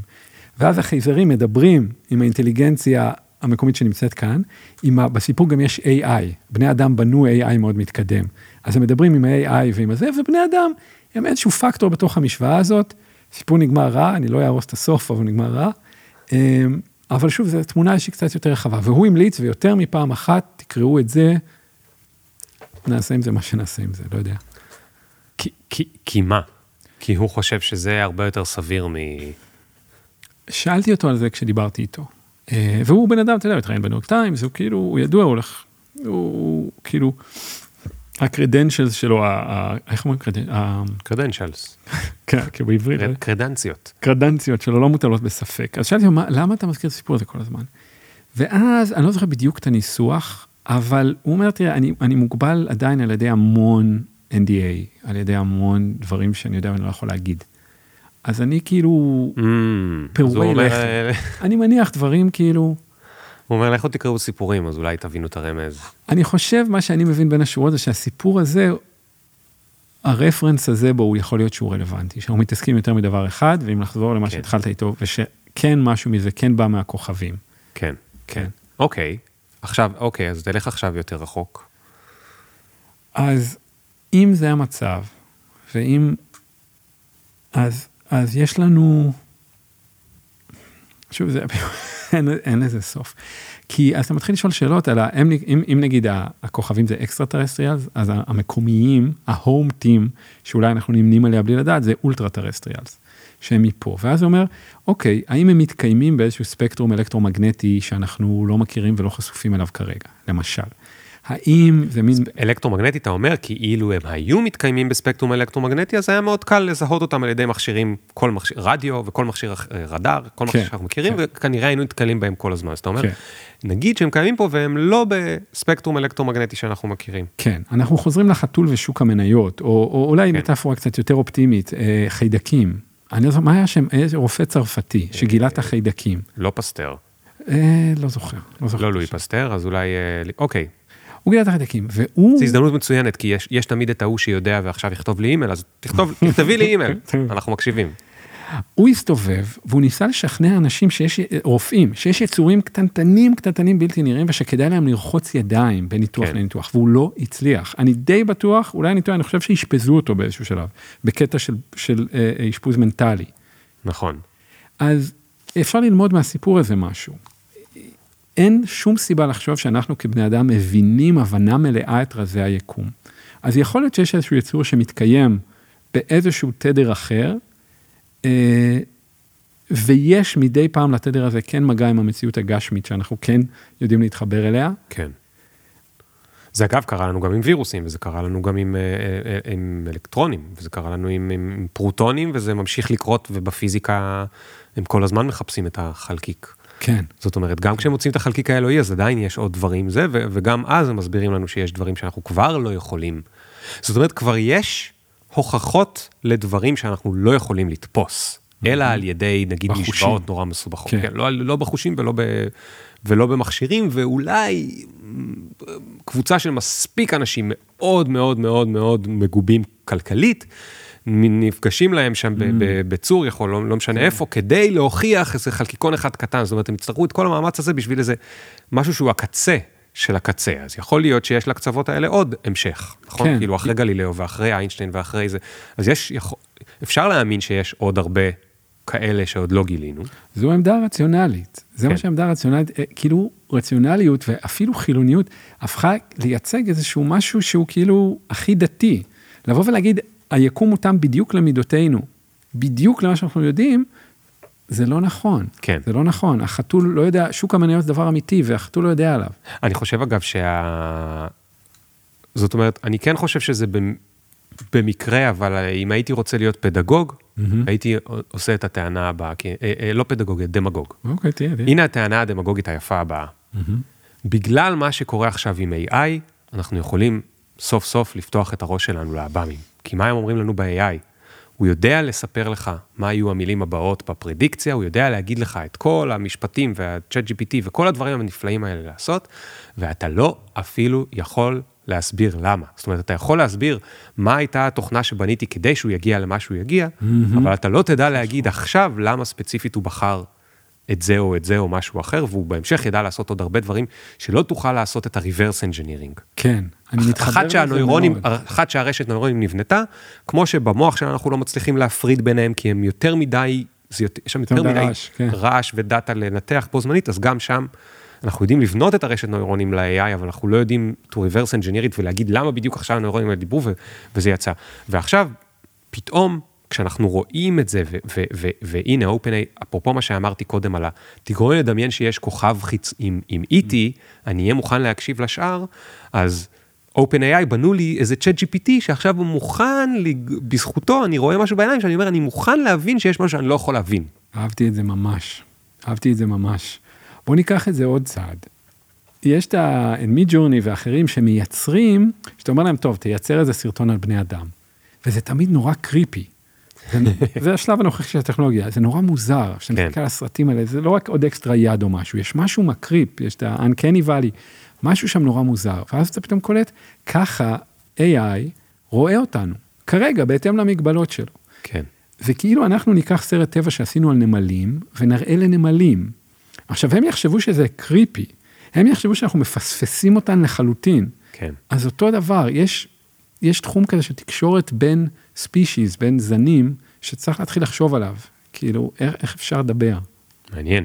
אוקיי, תן לי עוד אה, משהו מה... מהדוגמאות הנפלאות שלך, מהעדויות, מהסיפורים. עוד עדות, אוקיי. אמ, אני כאילו, ההתלבטות שלי, תגיד לי אתה, כמה... כל הזמן רואה שאתה לא עובר איזשהו threshold. באמת? אוקיי. אז אני אעבור את הסרט שלך. יאללה, לך לקצה. בוא נעבור את הסרט לך. לקצה ואז ת-. ת- תחזור. תשמע, אנחנו בשעה לתוך ההקלטה, אז גם ככה נשארו איתנו האנשים שהם מוכנים לפתוח את הראש. סבבה. העניין הוא הרי מה החשש. אני, אני מנסה לא להיות אוונגליסט של הבאמים. אני מנסה, אתה יודע, דיברתי עם אה, לסלי קין, שהיא עושה את זה, עיתונאית גם בניו יורק טיים, 23 שנה. היא עושה את זה, 23 שנה היה לה הסיפור הזה. וזה מאוד אני מעריך אותה. והיא, אתה יודע, מקדישה את החיים שלה לדבר הזה. שכן, שנכיר בזה. עכשיו, אני לא שם, אני לא שם. ולכן, כאילו, מה עובר לי בראש? עובר לי איזה מהלך רטורי קצת מצחיק. אני אומר, נגיד שמישהו עד עכשיו היה איתי, עכשיו אני אספר משהו שהוא כל כך out there, שהוא יגיד, אה, אוקיי, בעצם זה הכל שטויות. ואז כל אחר בראש שלי אומר, בסדר, מה אכפת לך, אתה מוכר פה משהו, אתה מוכר את הבאמים, כאילו, חברים, יוני לא מוכר שום דבר, יאללה, תספר לי את זה, אני- אני, זהו, הרגת אותי עם ה... אוקיי, אוקיי. אז אה, הרגת את החתול.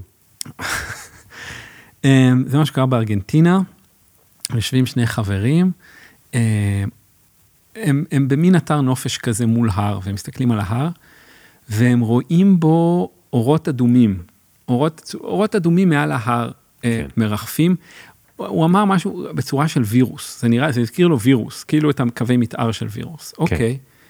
אז אה, אה, אוקיי, הם רואים, האורות האלה זזים ונראה שהם זזים לאיזשהו כיוון, הם די רחוקים מהם, ואז הם עושים משהו מעניין, הם נכנסים לאוטו, השני חברים האלה, והם נוסעים לכיוון האורות.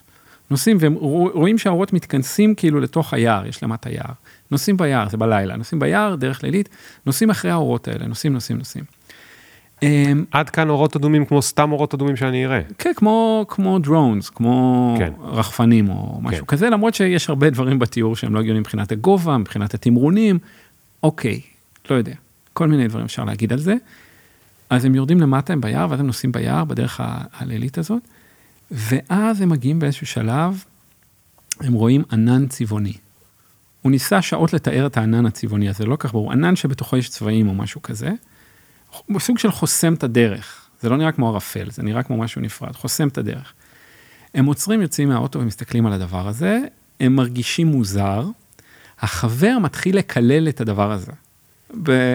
כאילו, אתה להגיד לו, לך, עוף מפה, טק, טק, טק, טק.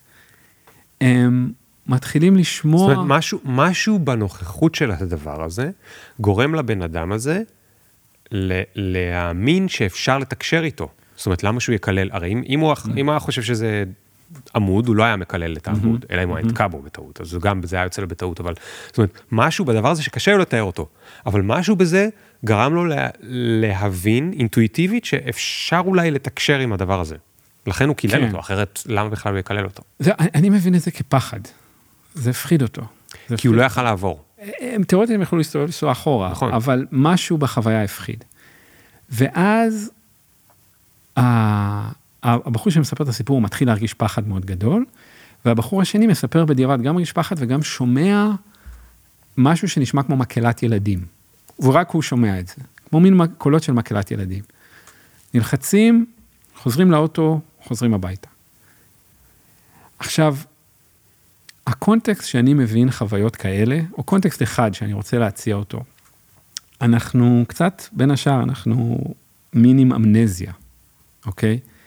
חוויות מהסוג הזה היו לבני אדם פחות או יותר מה, מה, מה, מה, מהיום שהיו בני אדם, או מהיום שיש תרבות אנושית. אתה מסתכל על, יש כאלה שאומרים את זה 120 אלף שנה, יש כאלה שהרבה פחות, אבל אתה מסתכל אפילו נגיד אה, ציורי מערות, לפני עשרות אלפי שנים. כן.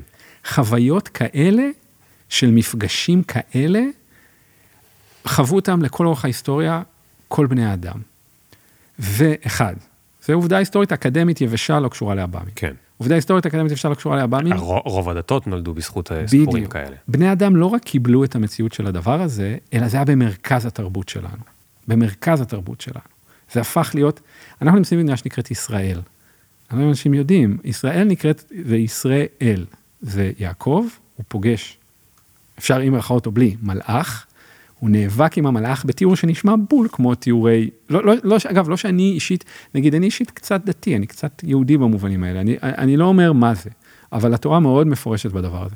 הוא פוגש משהו, הוא פוגש את הדבר הזה, לא כתוב שזה אלוהים, כתוב שזה מלאך, אה, הם נאבקים, אוקיי? וסוג של, לפחות לפי ההגדרה של המלאך, סוג של יעקב מנצח, והוא אומר לו, טוב, מעכשיו אתה לא יעקב, אתה ישראל, ישראל, כי היית עם אלוהים ויכולת לו. זה לא בדיוק הציטוט, אבל... אוקיי, יש כאן מפגש, יש כאן מפגש עם אנטיטי, שהיה מספיק חשוב שאנחנו עכשיו יושבים במדינת ישראל, זה לא אלפיים שנה, זה הרבה יותר אחר כך. אז כמו שאני רואה את הדברים האלה, יש לדברים האלה היסטוריה מאוד ארוכה, אני לא יודע אם זה בא, אני לא יודע מאיפה זה בא, אבל ברמה החווייתית, זה משהו שהוא נחווה לאורך ההיסטוריה. אז בוא אני אגיד לך מה שמעתי. יש לי חדשות רעות אליך. זהו, איבדתי. מעניין אם תקבל אותם הלכתי כרעות. מעבר ל... לא, לא, לא, לא, לא, לא, לא. אה. אני לגמרי, הסיפור עם העננים והאורות, אני שם. אוקיי. למרות שבכל הסיפורים האלה צריך לבדוק האם הם אכלו פטריות או לא, אבל. נגיד שלא. מה שקרה בסיפור עם יעקב, נגיד שיעקב נתקל ב... איך קראת לזה? אה, UNA?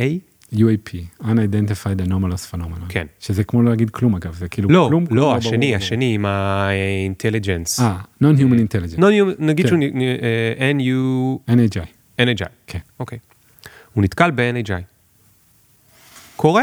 ה-NHI הזה, הוא יש לו, הוא, הוא, הוא חי פה איתנו, חי זו מילה מוזרה בשבילו, אבל נגיד הוא מסתובב פה איתנו, והוא, והוא מתעסק פה איתנו וכולי, והוא, יש לו את האינטרסים והעולם שלו, שאנחנו אפילו לא יודעים אם אינטרסים זה משהו שאצלו, אבל יש לו משהו, נקרא לו קיום לצורך הדיון, אוקיי? ואנחנו לא, פשוט לא כל כך מעניינים אותו. אנחנו, כמו בספר הזה שכדאי לנו לקרוא, הוא בכלל, אולי מישהו הגיע לדבר עם איתו, mm-hmm. הוא דיבר עם מישהו, ואיפשהו הוא נתקל בנו. נגיד, יכול להיות שהארבעה האדומים האלה, יש להם איזושהי משמעות, ולכן הענן יתפרץ שם כדי שלא נפריע לאף אחד. Mm. לא, לא נפ... אוקיי. עכשיו, עד כאן, בסדר, נגיד שאני אני זורם. אני זורם, אני, אני, כל דבר שגרום לבני אדם להיות יותר צנועים, אני בעד. Mm. אני איתך בזה. Mm. עכשיו, מה סיפרת לי פה? ולמה אני חושב שזה חדשות רעות? לא זה, אני סבבה בזה. אבל בזמן, אז כשיעקב נתקל במלאך, המלאך בכלל לא עניין אותו כל, לא יעקב ולא כל הסיפור הזה. ואנחנו אנחנו בנינו על זה דת, ואז עוד דת מעל זה. מיליוני אנשים כאילו נרצחו, את ירושלים החריבו איזה 80 פעם, יש פה כאילו תרבויות שלמות שנבנו על הדבר הזה, בגלל שאנחנו חושבים שהשמש זורחת לנו מהסליחה משם, ואנחנו כאלה חשובים שכאילו יש איזושהי משמעות לזה שיעקב נתקל בזה, והוא בכלל היה בדרך לפגוש את החבר שלו מהעולם האחר, או עם האינטליגנציה האחרת, ויעקב הפריע לו בדרך, אז הוא רגע ניסה לעצור אותו. זה מה שזה אומר. אני חושב שזה לפחות חלקית החשש של הפנטגון, מה שאמרת עכשיו. ש- שכל מיני, אני לא רוצה להגיד הבנות, אני לא יודע מה זה, רעיונות כאלה יחלחלו ואנשים יתחילו לפקפק אה, במוסדות החברתיים הכי בסיסיים שלנו, כי באמת זה נבנה על זה, ובישראל קל להדגים את זה. החברה המערבית נבנתה על זה, היא נבנתה על המפגשים הביזאריים האלה. בין השאר, כן, כמו שאתה אומר, בנו על זה אחר כך עוד המון המון קומות פרשניות, בטח ביהדות. אז זה מפחיד, זה מפחיד. כאילו, אני כן אגיד באמת מהעולם היהודי, להגיד שמשהו, פרשנות בעיניי לא הופך אותו ללא אמיתי. אתה יודע, המהלך ה... whatever, המהלך התלמודי, כאילו, לוקחים את אה, ויצא יצחק לסוח, ואומרים, אה, זה אומר שצריך להתפלל מנחה. שלוגית, אין, אין דרך לקשר את הדבר הזה. ואחר כך בא ספר הזוהר, ואני לא חושב שזה אומר, לא יודע, בוא, בוא, בוא, בוא, בוא לא נתחייב פה לדברים ענקיים, בוא, בוא, בוא נחקור אופציה כיפית. נגיד כן. שיש איזשהו level בתודעה האנושית, שמקודד סוג של אמת מסוג אחר של אמת. שיודע לקחת השראה מ"ויצא יצחק לסוח", להגיד, בתכלס, עכשיו, נכון לזמן שלנו, לזמן שהתלמוד נכתב, אה, שאנשים יתפללו מנחה. יש איזשהו קסם, יש איזושהי אלכימיה שבני אדם יודעים לעשות, בשביל להתקדם. ואז אפשר לטעון, נגיד, אם אני רצה עם הטענה הזאת, זה שהאלכימיה הזאת התקלקלה. זאת אומרת, זה, זה כבר אמירה פוליטית אולי, אבל האלכימיה, אנחנו כבר לא יודעים לפרש מחדש אירועים, אנחנו לא יודעים Mm. אה, אה, בגלל שהזנחנו את כל החלקים האלה, את, ה, את החלומות, את ה... אנחנו לא יודעים איך לקחת משהו ולא יודע, ווטאבר, במונחים של החסידות להפוך מתוק למר, מר למתוק. כאילו איבדנו את זה. ואז כאילו אנחנו קצת מצילים, בוא נגיד, את כל ההיסטוריה שלנו, שכמו שאתה אומר, אולי זה יתבסס על זה שהקראפט, חזון יחזקאל, עבר בשמיים. ו... עבר בדרך לאנשהו, כן. כאילו... כן. והסנה הבוער וכל הדברים האלה, ואנחנו כאילו, אתה יודע, החילונים אומרים, קרה, קרתה איזושהי תופעת טבע, ומישהו לקח את זה יותר מדי ברצינות, וכאילו עשה כן, מזה כן, אלוהים כן, וכל מיני סיפורים כן, כאלה. כן, כן. ועכשיו זה כאילו נשמע לי שהחילונים עוד יותר יתחזקו. כן. ויגידו, חבר'ה, אתם ממש לא הבנתם שזה כאילו, פשוט היה שיטת הנאה שלהם, ככה הם זזים. זה כאילו גם לא צריך עכשיו לעשות את כל המאמצים להסביר את זה על ידי גלילאו, או כל מיני דברים שאנחנו מכירים בחוקי, בניוטון. כן. כי, כי יש אל, אין ספור דרכים להסביר את זה. אמ, אוקיי, אני רוצה להגיד משהו בקצת שקשור לאלוהים, אוקיי? אני זוכר שהייתי בסטודיו והייתי סגור בסטודיו וקראתי המון על אלוהים. המון. והיה לי רעיונות מה זה זה. ואז הלכתי למורה הזאת, ואמרתי לה כל הרעיונות האלה, ואז אמרתי, תגיד, פגשת את אלוהים? אמרתי לו, לא. אז, אז מה אתה מתעסק איתו? ואז הפסקתי להתעסק איתו. ואז פגשתי, היום זה ברמת הריליישנשיפ. הריליישנשיפ הוא אמיתי לגמרי, אין לי מושג אם יש אלוהים. אבל הריליישנשיפ אמיתי ומשפיע עליי, והוא טוב. הריליישנשיפ שלך עם אלוהים הכוונה. כן, עם אלוהים, כן. ואז, לא, אני רק אומר, כאילו, אולי גם נפתח את ההגדרה מה זה אמת בדיוק. מה זה אמת? אה, אני, לפני שהגעתי לכאן, עשיתי מין תרגיל שנגיד, אתה ואני, איזשהו אספקט של האישיות שלנו, נגיד שהוא נפגש באתר, ואמר, אנחנו רוצים לעשות משהו טוב, אנחנו רוצים לעזור לאנשים לעשות להם משהו נחמד במסגרת מה שאנחנו עושים פה. עכשיו, אתה יכול להגיד זה דמיון, אבל זה עזר לי, זה עוזר. כן. ואז אפשר להתחיל לשאול, רגע, אבל אם זה עוזר, ואם זה בראש, מה קורה בראש מבחינה כימית? שאלות שמעניין לשאול אותן. כן. לא, אז, אז, אז, אז אתה מחזיר אותי למה שאני אמרתי. זאת אומרת, אתה מנסה לרמוז לי, האם זה בכלל משנה האם זה היה אמת או שזה היה דמיון, ויכול להיות שזה היה דמיון, ויכול להיות שעל בסיס דמיון המצאנו את כל מה שהמצאנו, אבל אם זה עוזר לאדם שהמצאנו את כל מה שהמצאנו, אז מה זה משנה? אני לא משתמש כבר במילה דמיון, אני חושב שהיא מטעה, שהיא קצת מורידה ממה זה הדבר הזה שקורה לבני אדם בראש. זה, זה דיון נפרד שלם, כן? אבל הסיפור של אפקט פלסבו למשל, אה, שבו רגשות ותחושות שלנו הופכות למציאות ממשית פיזית בגוף, הוא, אני חושב שהולכים להשקיע בזה הרבה משאבים בתקופה הקרובה, כי הוא די, די מדהים. ו... כי אם אתה אומר, רגע, אם מחשבות ודמיון, אתה מקבל גלולה שהיא גלולת סוכר, אבל אתה מדמיין שזה תרופה, mm-hmm. וזה אפקט שהוא כל כך חזק, זה כל כך עובד, שלא צריך מעבדה בשבילו, צריך להתחשב בו בכל ניסוי רפואי אחר. כן. אוקיי, אז עכשיו סימן שקורה איזשהו משהו, נכון? עכשיו בוא נדמיין שהמשהו הזה איכשהו יכול לדלוף מחוץ לגוף באיזשהו אופן. התהליך הכימי של פלסבו, שבו הרגשות והמחשבות שלנו משנים את העולם הפיזי, אנחנו כבר יודעים שנגיד משותקים אפשר לשים להם משהו על הגולגולת שהם יחשבו להזיז את, ה, את, ה, את הסמן עכבר ימינה והוא יזוז ימינה. כן. אז נניח שיש או טכנולוגיה או יצור שיודע לקרוא את הדברים, את הסיגנלים האלה, כי הסיגנלים אמיתיים, אנחנו יודעים את זה מפלסבו ואנחנו יודעים את זה מהטכנולוגיה. אז אתה מבין, אז המונח דמיון הוא פשוט קצת מטעה, כי, כי משהו אמיתי קורה, אנחנו יודעים מפלסיבו, משהו אמיתי קורה כשאנחנו מדמיינים. תגיד, זה גורם לך לחפש סיגנלים בחייך? מה זאת אתה אומרת? מסתובב ברחוב ואתה רואה איזה, אתה יודע, צללית, ואתה אומר, רגע, אולי זה זה, אה, לא, זה סתם צללית. אוקיי, אוקיי, זה, זה עובד אצלי הפוך. נגיד יום טוב, יום שאני עושה יוגה ואני עושה את הפרקטיסס שלי ואני לא, אני עם הילד הפנימי ואני עם החרדות וזה, אז זה יום שאני פחות חוסם דברים.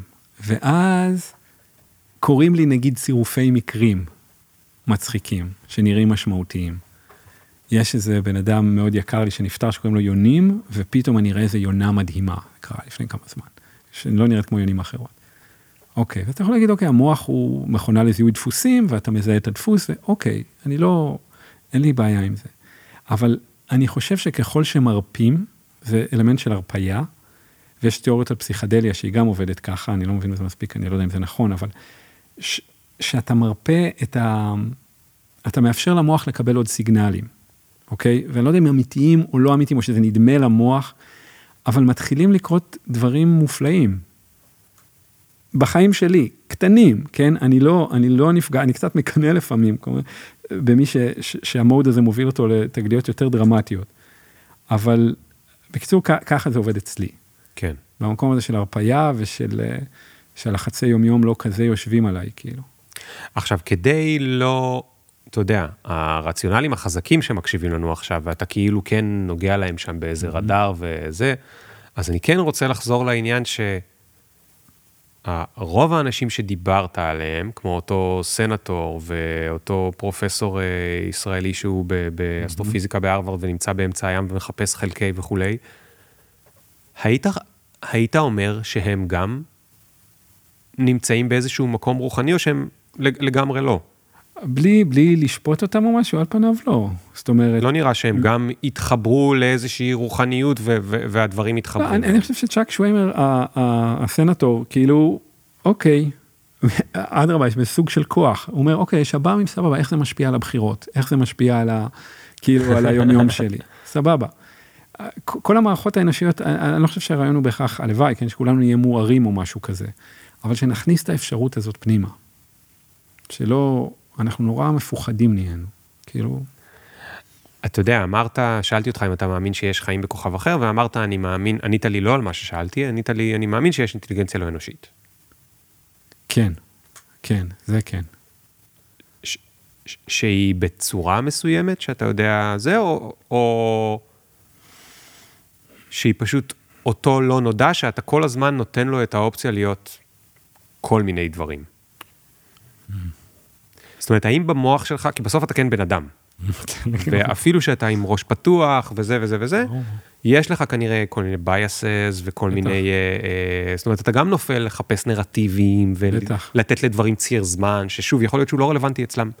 וציר מהירות, שיכול להיות שהוא לא רלוונטי אצלם, וצורה, שיכול להיות שהיא לא רלוונטית אצלם, נכון? כל הדברים, כאילו, כנראה גם בלי להתכוון, אתה, אתה מטיל עליהם את מה ש... כי ככה אנחנו רגילים. בטוח. אז יש לך צורות אינטליגנציה ספציפיות שאתה יותר מאמין, או זה כבר לא מאמין, אלא באמת חושב שהם... אתה מבין מה אני שואל? כן, אני מבין, אני חושב על זה. אני חושב שיש לי קושי עם המילה מאמין. אני חושב שהמילה מאמין ואמונה עושה הרבה...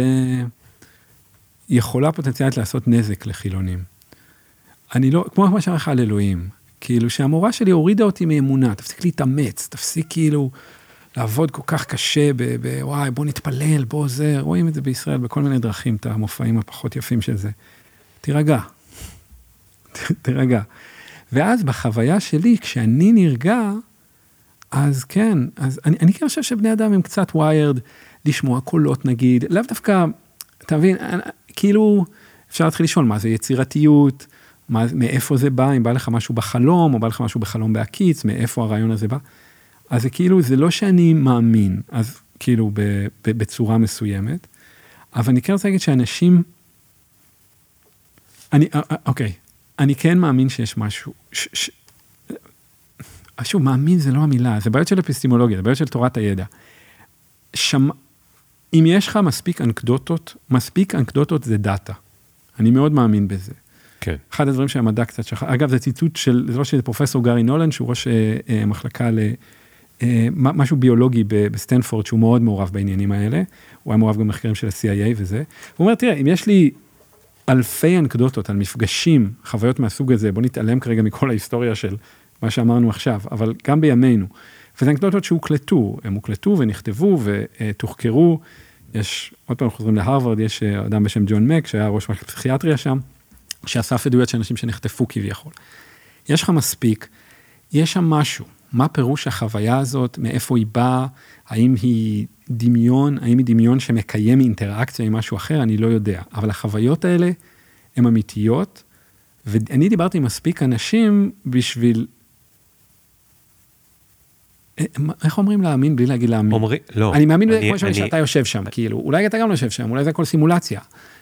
כאילו, לא, אז, אז, אז אני, אני רגע אקל עליך. תסתכל עליי, תסתכל עליי, זה טוב. אומרים להאמין, כן, שמים על זה כוכבית, ואומרים, אם רוצים אפשר לעשות אחר כך ד, דיון אפיסטמולוגי על מה זה להאמין. אוקיי. אבל כדי שאני אוכל לשמוע אותך ולהקשיב לך, כן. אתה צריך להמשיך להשתמש במילים שאני רגיל אוקיי. לשים עליהם את הדבר הזה, ואחר כך להגיד, יש דיון פילוסופי מעניין, שיכול להיות שהוא ישבור את כל מה שאמרתי קודם. אחלה דיוק, תודה, אחלה דיוק. לא, זה, זה, זה בעיה ש, שמתי נתקלתי בה? כשיצאתי מהאקדמיה, תואר שני בהיסטוריה ופילוסופיה, אה, התקשיתי להגיד דברים Mm, אדיר. בחמש מילים, וה storytelling שלי היה גרוע. במשך שנים לא הצלחתי לעשות story, לא הצלחתי לספר סיפור, לא הצלחתי להגיד משהו, כי כל הזמן, כמו באוניברסיטה, היו לי footnotes, ואתה אומר את ה footnotes, בטח בעל פה, ואתה זה וזה, אבל אתה לא מגיע לסוף הזה. ואז, כמו שאתה אומר, הרפיתי. אמרתי, כל כך יפה. אני לא צריך למצוא את אלוהים, אוקיי? שזה הדיוק האמיתי במהי המילה. שהוא לא נגיש לי ממילא כי אני חתול. נכון. אני רגע אגיד את המשפט, אני אשים כוכבית, ואחר כך אם יש למישהו סבלנות והוא רוצה להיכנס לכוכבית, ייכנס לכוכבית. אבל קודם אני אגיד את המשפט כדי שמשהו יעבור לצד השני, כדי שנוכל לעשות דיון. ואני חושב שבגלל שאתה כל כך מפותח אינטלקטואלית ורוחנית וכולי, תודה. אז אתה, אז אתה נתקעת שם בזה. עזוב, בוא רגע תגיד להאמין. במה אתה מאמין? וואו, תודה, בן אדם. זה היה ממש יפה. זה באמת, זה היה יפה, זה עוזר לי. אה, במה אני מאמין? אה, כן, אני מאמין שיש איזושהי אינטליגנציה לא אנושית, היא מקיימת איזושהי אינטראקציה אה, עם התודעות שלנו, עם הגופים שלנו. זה לא תופעה חדשה לדעתי, זה לא, האמריקאים מתעסקים, שוב, על פי חוק, החל מ-1943, אני מקווה שאני לא מתבלבל, או 1945. זה, זה המנדט של ARO. אני חושב שזה הרבה יותר עתיק מזה. כן, בזה אני מאמין, כוכבית. כן. תגיד, חוץ מהאמריקאים, מי עוד בקטע? כן. אז אוקיי, אז האמריקאים... איפה הרוסים? הרוסים לא כן. אוהבים UFOs. אז לפי העדויות למשל של גרוש, זה שפורסם, דיוויד גרוש, האלוף משנה, אומר גם להם יש תוכניות כאלה, הם גם מנסים, הם גם תקועים כנראה. נרמז שם שהם תקועים, אחת הסיבות שזה יוצא זה שהם תקועים, לא, לא מצליחים להוציא מהכלי רכב האלה את מה שרוצים. וגם לפי המפה הרשמית שהפנטגון פרסם, אמרו איפה נתקלים בזה, אז יש מפה יפה, זה הופיע ב- במצגת של נאסא, בתדרוך של מפקד ARO לנאסא, שזה השקופית ציבורית, אה, בכל העולם, שזה בעצם איפה שהצבא האמריקאי נמצא. והוא אמר, יש לנו כאן בייס, כי איפה שיש לנו סנסורים לקלוט את זה, אנחנו קולטים את זה. כן. מפרץ הפרסי, זאת אומרת, ב- אנחנו מניחים שזה נמצא גם בשאר המקומות, אבל שם לא בדיוק. קלטנו, אז מה אתם רוצים? בדיוק, אנחנו לא אומרים שאין את זה בסין, אנחנו פשוט לא בסין. נכון, נכון. מה עם הסינים? בדיוק, הסינים, הרוסים, לא, מה עם הסינים? הסינים הקימו כבר... אגב, אה, ישראל. אמ, לא, ש, לא שאנחנו יודעים, אנחנו כן יודעים שה-Five Eyes, ה- שזה זה ברית כזה של ארצות דוברות אנגלית, ברית כאילו משמעותית אמיתית, אז הם גם הקימו, עשו עכשיו פורום צבאי לחקור את זה, והם מקימים גם יחידה יהודית, וכל המערכות האלה נכנסות לפעולה. אמ, וכנראה כן, כנראה מאחור יש איזשהו סוג של ידע סודי שלא לא הופץ עד היום. איזה מגניב. אתה יודע מה הכי מגניב אותי בכל הסיפור הזה? נו, בוא אני אגיד לך מה הכי מגניב אותי. נו, מה? אני מת כבר, אני מת כבר שנהיה חמש שנים קדימה, עשר שנים קדימה, Mm. שזה יהיה כבר מבוסס במדע, שכבר יגידו, חבר'ה, אנחנו יודעים שיש אה, זה, ושהמסקנה של זה תהיה, ואין לנו מה לעשות עם זה. אדיר. למה? כי אנחנו פשוט, כמו שהסברת בהתחלה, קטנים מזה, לא מבינים את זה ורחוקים מלנסות להבין את זה.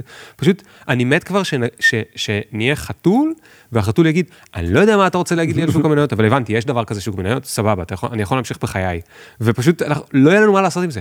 וסוף סוף ניתקל ב- בדבר הזה שיגרום לנו כבני אדם להגיד, we can't solve it, we can't do anything with it, ובניגוד לנגיד החלקיק האלוהי, כן. שאתה יודע, יש שם כל מיני חבר'ה שאומרים, אתם לא מבינים זה ישנה הכל, או מחשוב קוונטי שכולם אומרים, אתם לא מבינים זה ישנה הכל, אבל אף אחד לא מאמין כי זה נורא קשה, זה בגלל שזה כאילו מבוסס סיפורים ונרטיבים וחלומות וזה, אז יותר מהר אנשים יגידו, אוקיי, זה משנה הכל, אבל אני לא יודע מה לעשות עם זה.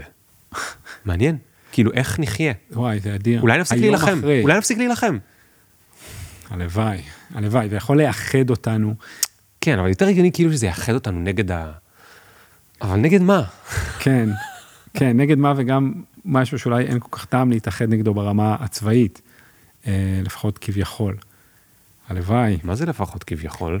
לא, אם, אם, אם, זו שאלה, אם מחר ה- החתולים מבינים שאוקיי, מישהו אחר שולט בעולם הזה וזה, והם מחליטים, טוב, אנחנו רוצים להיות אוטונומיים, אנחנו לא רוצים שבני אדם יקבעו לנו מהסביבה. כן, האם הם יכולים להילחם בנו? כן. זו שאלה, שאלה כאילו כמה אינטליגנציה אתה נותן לחתולים. אז תראה, אני רק רוצה להגיד ספציפית, בגלל שיש לי איזשהו אישו עם חתולים, אוקיי, אני כן. רק רוצה... כל פעם שאמרת חתול, אני כאילו דמיינתי כלב. וואלה, כי ספציפית חתול זה הכי קרוב בעיניי לאינטליגנציה לא אנושית. חתול,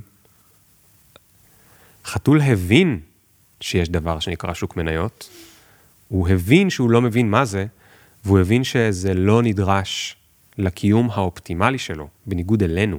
כן, וואו. חתול, חתול ניצ... חתולים ניצחו, אה, חתולים ניצחו. They got it.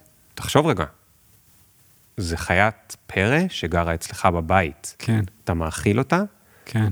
לוקח אותה לרופא כשמשהו קורה לה, והיא לא חייבת לך כלום, והיא לא נותן לך שום דבר, אלא מה שאתה מדמיין שהיא נותנת לך, אבל מבחינתה היא אגואיסטית לגמרי, והיא חיה מצוין. במקום לחיות בטבע כמו כל שאר המיקרובים והחיות כן, להיאבק שנמצאים, בה. להיאבק ולשרוד וזה, היא כאילו, אתה יודע, אנ- אנחנו הטמבל שאומר, היי, בואי כן. אלינו לבית וניתן לך את כל מה שאת רוצה, ואפילו לא נצפה שתהיי נחמדה כשאנחנו באים הביתה. הם באמת הדבר העליון מבחינתי, מעל בני האדם, במובן הזה, כי הם, הם ניצחו, גם אותנו. זהו, מה זה לנצח? אהבתי מאוד. מה זה, ל- מה, זה- מה זה- זה חיים טובים? מה זה, כי אתה יכול להגיד, אבל אין להם אנטיביוטיקה. אוקיי. לא, לא נכון. אם הם חיים אצלנו, א', יש. יש להם, אתה אומר, כן. יש, כל- לוקחים אותם לווטרינר ויש להם, כן. יש להם את כל מה שהם הם, באמת הם צריכים. קיבלו מאיתנו. הם לא מוטרדים מדברים מטומטמים כמו שוק מניות. כן, הם, כן. אין להם את האמביציה המטומטמת הזאת שגורמת בעיקר לסבל, יותר מלהנאה.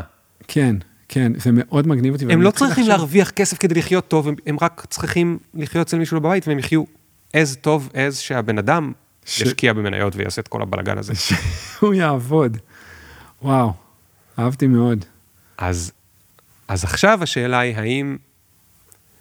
זאת אומרת, אני רק, אני, אני, אנחנו צריכים לסיים, אבל אני רק רוצה להגיד שאם נגיד אותם אינטליגנציות מהמם. משתמשות בנו כ...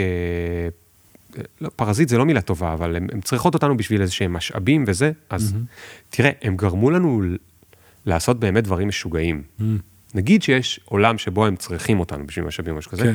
הם גרמו לנו לעשות דברים שהם משוגעים ביחס לכל חיה אחרת שקיימת, כל יצור חי. כל... מדברים עכשיו על חתולים? לא, עכשיו על בני? אדם. אוקיי. אה, בני אדם. שוב, חתולים, הם, הם עושים מבחינת הדוינג שלהם, כן. בערך את אותם דברים כמו מלפני כן. חצי מיליון שנה. זה כן. בערך אותם, הם אוכלים, שותים, כן, והתנאים השתפרו. ישנים, התנאים שלהם מצוינים, אבל הם עושים את אותם דברים. אנחנו בני אדם מתאמצים בלי סוף, אנחנו במאמץ שהוא משוגע. מה שגורם לי להאמין שאם אנחנו עושים משהו בשביל אותו זה, זה, זה בידור. מהמם.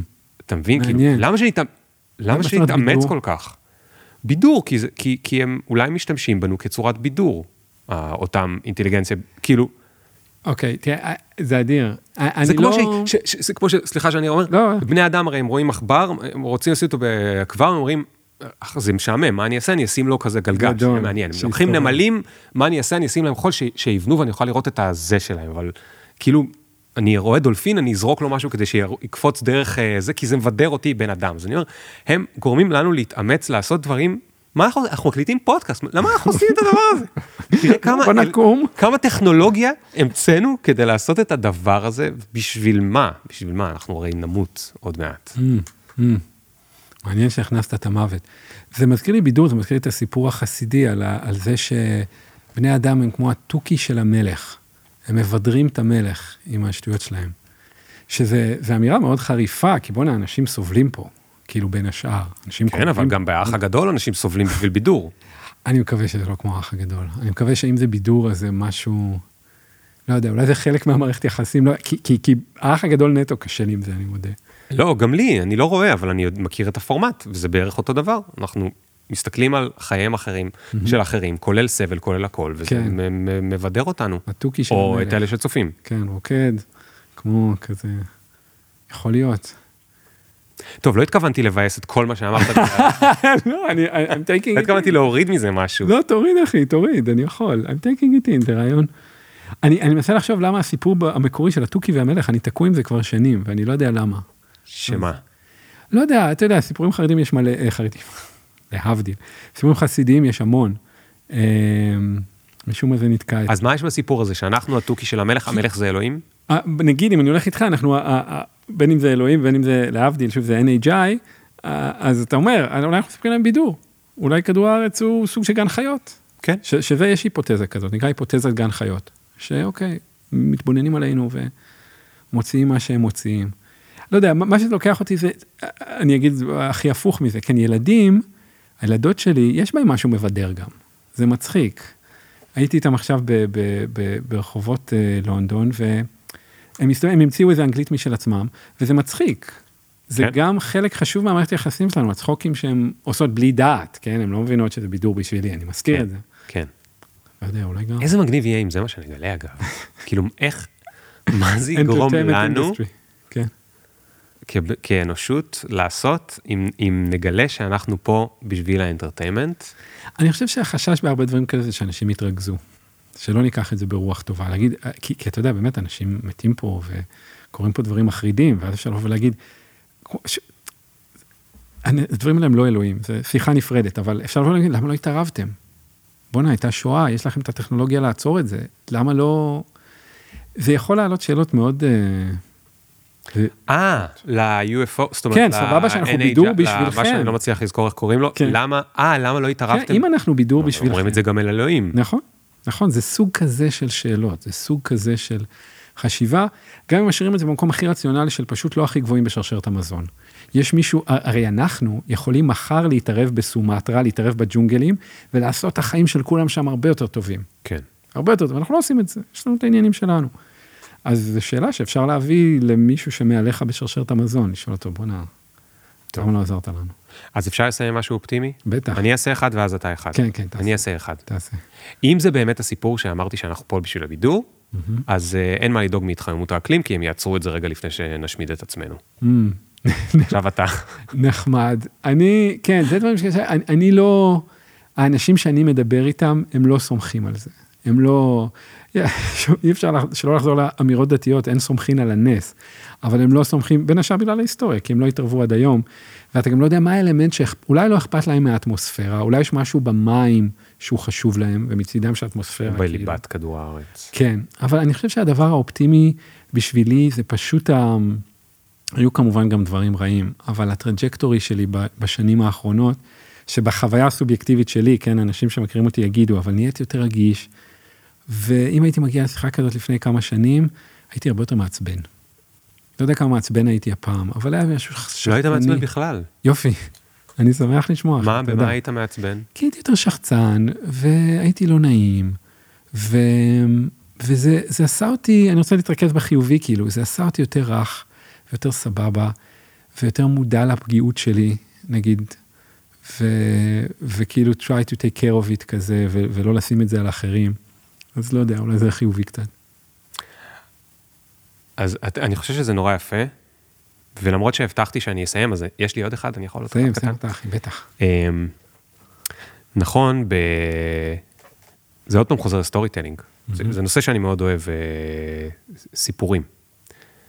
ותמיד בסטאר וורס ובהוביט ובכל ה, בכל, ה- בכל הסיפורים הגדולים, אגב, גם, אני מניח שגם בסיפורים של התנ"ך, אבל אני לא כזה זוכר הרבה, אז תקן אותי אם אני טועה. בו זמנית קורה איזשהו קונפליקט ברמה עולמית, אוקיי? גם סרטי ברוס וויליס. ותמיד כדי שזה יהיה סיפור ממש ממש טוב, אז יש גם משהו אישי שקורה. Mm. באותו זמן, נכון? באותו זמן הגיבור, פרודו יש לו וזה. בדיוק הבת שלו בדרך לאיזשהו מסעדה, הוא שלח אותה למסעדה, וכל העולם קורס, הוא חייב להציל את- העולם, ו... אבל על הטלפון הוא מנסה לבקש מאחיו שיציל את הבת שלו, או משהו כזה, או שהיא כן, תציל אותו צריך בסוף. לטפל בזה במקביל. כן. אבא שלו קרה משהו לאבא שלו, ובסטאר וורס כאילו זה הבן והאבא, תוך כדי שכל העולם במלחמה, אבל גם הבן והאבא הם I'm your father, ויש איזושהי דיל- דרמה זה. ואני חושב שזה נורא יפה שבסוף, על כל, על אף כל מה שדיברנו, חזרת למקום המאוד אנושי, סיפורי, שאתה אומר, אני כיוני עובר פה תהליך גדול ומבין משהו עצום על העולם, ואפילו ברבדים ש, שאנחנו לא מכירים, אולי. ובו זמנית, אני כיוני, זה עוזר לי להפוך להיות יותר שקט, רגוע, כן, אה, כן, אה, אה, לא יודע מה, כי, כי, כי זה תמיד הסיפור הגדול וה, והסיפור הקטן הזה שבתוכו. אדיר. מרגש אותי. לפחות עד שנגלה שאנחנו בכלל לא חשובים. אני חייב לסיים בזה. לא, כי אולי אנחנו לא חשובים. אוקיי, בוא נסיים כי יכולים להתחיל מההתחלה. יוני. תודה רבה רבה רבה. תודה. שסבלת. אותי. וואי, היה אדיר.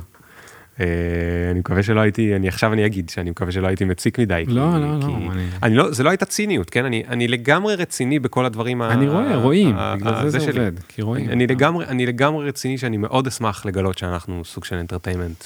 באמת, מרגיש שאני אוכל לנוח קצת. להרפות קצת. אה, יש את המדבקה היפה הזאת בפארק המסילה איפשהו שתקועה. אה, אה, כולם יכולים להירגע, בסוף כולנו נמות. אחלה, אחלה.